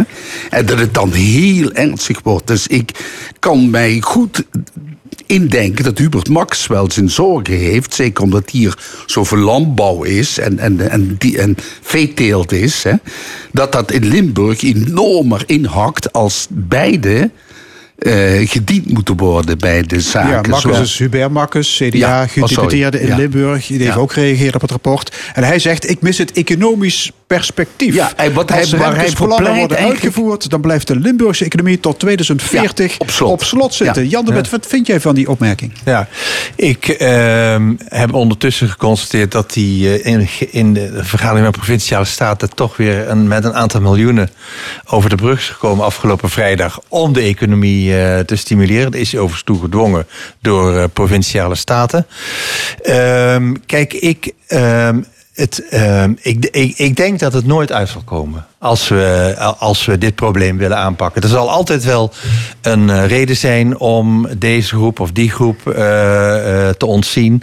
Of om te zorgen dat die maatregelen niet genomen moeten worden. Maar dan komen we dus nergens. Dus we zullen wat mij betreft, en daarin is, eh is Remkes ook snoeihard. Hij zegt het beleid van mevrouw Schouten is gewoon veel te vrijblijvend. Ehm, er wordt geen enkele strakke lijn uitgezet. En met andere woorden, ehm, waar hij dus voor pleit, vooral is natuurlijk om consequent dat mestbeleid en die veehouderij eh, aan te pakken, omdat dat de belangrijkste oorzaken zijn van het stikstofprobleem en in die omvang. En als dat tot gevolg heeft dat we, en dat zijn eigenlijk al eh, de plannen die al gemaakt zijn, als dat tot gevolg heeft dat de boeren eh, eh, hun bedrijf moeten op zijn minst verplaatsen of sluiten, dan is dat zo. Dan zullen we dus moeten zorgen dat die eh, schadeloos gesteld worden. Maar we kunnen niet eh, wachten wat mij betreft. Maar het zijn niet alleen de boeren. Hè? Het gaat om verkeer, het gaat om Nee, de dus industrie, het gaat om de scheepvaart. Het gaat, economisch heeft dat een geweldige impact. En Ja, mag ik ik zou nu ervoor even pleiten om inbreken, meer Karel? de weg der geleidelijkheid te kiezen. Om samen op te trekken in het kader van die coronacrisis en de stikstofcrisis waarin we zitten. Om op het punt te komen waar we allemaal willen komen uiteindelijk. Ja, maar dat gaat, dat gaat toch echt niet lukken wanneer je voortdurend blijft benadrukken dat eh, de landbouw geen belangrijke rol speelt in dit hele probleem. Ehm, in het rapport staat, en die zin die zou Rousseau. Jullie hebben eerder in deze uitzending meneer Rousseau la- eh, laten langskomen. Deed mij goed overigens. De balans tussen natuur en economie is zoek. Dat is niet een zin die Monique Quint vandaag verzint, maar dat is een zin die staat in het rapport van Remkes. En toen dacht ik, juist, Johan, je zit nu op de goede toer. eh, want de corona-ellende, en daar heb je een andere spreker vandaag hiervoor uitgenodigd, meneer Van Schaik, die heeft nadrukkelijk ook daar iets over gezegd. Er zijn verbanden, men moet het alleen nog knalhard bewijzen, tussen luchtvervuiling en de gezondheid van mensen en de kwetsbaarheid voor het oplopen van bacteriën of virussen, et Maar cetera. dat geldt ook voor industrie, Monique. Hè? Ja, maar het- dat is, daar gaat dat was niet een om. beetje te simpel, zoals Verschuik het Karel, schetste. Karel waar, het, waar het om gaat is... je kan blijven ontkennen dat onze stijl van leven... zoals wij die in de afgelopen decennia hebben opgebouwd... dat die iedere keer opnieuw op dat niveau gehandhaafd moet worden. Of het nou gaat om miljardensteun aan de KLM... of het gaat om door de vingers zien van allerlei andere... of het de grote multinationals zijn die we overeind moeten houden... want het is de ene keer werkgelegenheid... en de andere keer is het we kunnen niet zonder. Ehm, we blijven onszelf wijsmaken dat we nog alle tijd hebben. En als ik luister naar de deskundigen op het gebied van natuur en milieu en vervuiling, dan denk ik, we hebben nauwelijks meer tijd. Het is bijna niet meer terug te dringen. Maar- maar daarom- Zo, zover hebben we de natuur al verpest. Dus het verplicht uitkopen van boeren in de Ja. buurt van Natura 2000 gebieden is een goede zaak. Ja, maar daarom is Nee. de, combi- de combinatie met de coronacrisis Ja, is is, is, is dus heel interessant. En waarom? Omdat, eh, zoals ik het eh, eh, zie, die coronacrisis heeft ons gesteld voor een aantal ongelooflijke opgaven. En wat is gebleken? We zijn in de praktijk in staat om bijvoorbeeld niet het vliegtuig te nemen, maar via internet te vergaderen wereldwijd. Dus we hoeven niet meer te vliegen. eh, in een aantal gevallen. En zo zijn er een heleboel op. Moeten we nog grote kantoren bouwen? Moet die bouw inderdaad eh, gestimuleerd worden? Jongens, zet nog maar wat neer. Of moeten we inderdaad gaan kijken, wat hebben we nodig? Een heleboel mensen werken op een hele andere manier. Dus die coronacrisis is een soort moment... waardoor nieuwe technieken, nieuwe inzichten opeens gerealiseerd worden. En daar zouden we voordeel kunnen bij hebben... bij de aanpak van het stikstofprobleem. Ja, maar dan dat is kunnen- nou precies nou, maar dan kunnen we dus niet blijven dat je. Die, die, die, die ingezette nieuwe economie onder die coronaproblematiek... dat je die in lijn brengt met de, het milieuvraagstuk Ja, in brede zin. ja. Ja. En niet alleen die stikstof, maar ook CO2, ook al die andere Maar als je dan weer de tijd neemt om te zeggen... we moeten eerst, en gedeputeerden hier in Limburg... zijn daar dus dapper mee bezig. Het kan niet, want het is de doodsteek van onze economie. En dat hoor ik niet alleen hier zeggen... dat hoor ik ook op andere plaatsen zeggen... dat hoor ik ook in andere landen zeggen. We zijn dus bezig om voortdurend te verdedigen... dat het systeem wat we hebben opgebouwd... de structuur die we hebben... het soort economie wat we hebben... dat dat niet in gevaar mag komen. En je kan niet iets nieuws, en ook dat was in de discussie die je eerder in deze uitzending had heel duidelijk. Je zult eerst onder ogen moeten zien dat herstel van wat je hebt niet helpt. Je zult opnieuw moeten gaan zitten nadenken, hoe moet het anders? En als je praat over de digitale wereld die we in het coronatijdperk hebben leren kennen als de oplossing van van alles, ja, dat is waar. Maar er zijn ook mensen die voor de zoveelste keer hebben gezegd, als ik op die manier moet werken, dan ga ik dood. Ik vereenzaam. Ik heb contact met mijn collega's nodig. Ik moet eh, creatieve ideeën eh, in gesprekken met collega's kunnen, kunnen vormen. Ehm, ik eet verkeerd. Ik slaap verkeerd. Ik doe alles verkeerd. Kortom, de mens als zoogdier, zeg ik dan, heeft ook de afgelopen tijd geleerd wat het is om in een digitale wereld alleen gelaten te worden. En de macht van de Googles en de macro's, Microsoft. eh, ehm, is zo machtig op dit moment. En wordt alleen maar machtiger als we denken dat het heil moet komen van die kant. Ik Ja. denk, nou, dan zijn we er ook nog niet. Ja, er, komen, er zijn gewoon nieuwe, nieuwe, nieuwe inzichten. Ik en weet daar, het. Maar daar moet je ook kritisch zij- mee omgaan. Zij worden natuurlijk heel erg rijk eh daarvoor. En laat maar overletten dat, mensen die nu gedwongen thuis zitten... omdat ze thuis moeten werken... op een andere manier hun sociale contacten moeten voor gaan vormgeven. En dat is niet altijd dat kan even niet eenvoudig. meer op het werk en de koffieapparaat... Maar dat zal dan eh, elders moeten. En dan misschien is het nog veel beter en leidt het tot veel meer. Ik geloof er geen bied van. We hebben nog vier We, minuten, we gaan naar een ander, de beeldenstorm. De beeldenstorm die over de wereld woedt. Hè. De Verenigde Staten, Columbus van zijn sokkel in Engeland belandt. eh, een slavenhandelaar in de plomp. Eh, hoe kijken jullie naar deze uitingen van volkswoede? Nou, zal ik dan de aftrap maar doen. Ehm, als ze Piet Hein willen weghebben, dan zeg ik dat is jammer. Want dankzij Piet Hein spreken wij nu geen Spaans. Dat klinkt misschien heel zwart-wit, maar de Zilvervloot heeft het de Republiek mogelijk gemaakt om uiteindelijk de Spanjaarden te verslaan. Dus onze zeehelden moeten op een sokkel blijven Nee, staan. ik, nee, fout. Ja, ik heb het de- over Piet Hein. Eh, dat is een ander Ja. verhaal als Witte de Wit bijvoorbeeld. Ja. Waar het mee om gaat is, je kunt... en als historicus weet ik echt wat ik zeg... je kan het verleden niet veranderen. Ehm, er is in het verleden het een en ander gebeurd... waarvan wij hebben ontdekt als mens, mens dat dat slecht was. We zijn gaan knokken om dat te veranderen. Er, de slavernij is uiteindelijk afgeschaft. En na 100 jaar hebben ze bedacht dat het afschaffen ervan niet voldoende was. En dat je dus ook nog vorm moest geven aan gelijkwaardigheid van mensen met allerlei verschillende kleuren. Maar de mens is ontwikkeld, is opvattingen gaan ontwikkelen, waardoor we nu democratieën hebben. Nee, maar het is Ja, onze, het is onze moet je, je de is onze debat, de standbeelden dan laten staan? Of moet je ze van hun sokkel inderdaad trekken? Eh, nou, er zijn er, er, zijn er eh, een paar, die, Ja? waarvan ik het niet zo erg zou vinden. Maar we moeten Wil het je namen niet noemen? overdrijven. Uh, Beeldenstorm in Nederland... eh, dat was ooit eh, heel lang geleden. Echt een 1566, beeldenstorm. ik zal je wel helpen. Beelden, ja, daar zit de historicus. Maar eh, tot, tot, tot heden zijn het in ieder geval wat incidenten. Daarmee wil ik het niet bagatelliseren. En daarmee wil ik ook niet zeggen dat ik er helemaal geen begrip voor heb. Maar wat... één, waar eindigt dit? Gaan we vervolgens in het Rijksmuseum... hier in het Bonnefante of waar dan ook... alle schilderijen van die of die smeerlap eh, verwijderen? Gaan we vervolgens de bibliotheken kuisen? Gaan we vervolgens de straten, eh, eh, straatnamen verhandelen? Gaan we De grachtengordel van Amsterdam? gaan we monumenten die, eh, die, die herinneren aan de koloniale tijd, aan de slavernij. Dus met andere woorden, het is een heilloze weg. We hebben het over de geschiedenis van ons land. En de oplossing die altijd al voorgesteld is door verschillenden in ons land is: zet er nou een bord bij dat dit Piet Hein is en dat hij dit en dat gedaan heeft. Dat je dus duidelijk weet. Wat is dit voor een, Een, een bordje bij? Faulty Towers. Ja. Ja, ja. ja, een bochtje erbij. Er zijn mensen die zeggen, een bochtje erbij is niet genoeg. Je moet er dan bijvoorbeeld een ander standbeeld naast zetten. Dat juist de andere kant krijgen we benadrukt. nog meer standbeelden. Daar zou ik helemaal niet voor zijn. Nee, want ik denk dat het van belang is dat die geschiedenis waar Monique het over heeft... Die mensen hebben allemaal een kleinere of grotere rol gespeeld... in onze vaderlandse geschiedenis. De beschaving die neemt toe. Vandaar dat we daar nu in op een hele andere manier naar kijken... als de mensen in die tijden.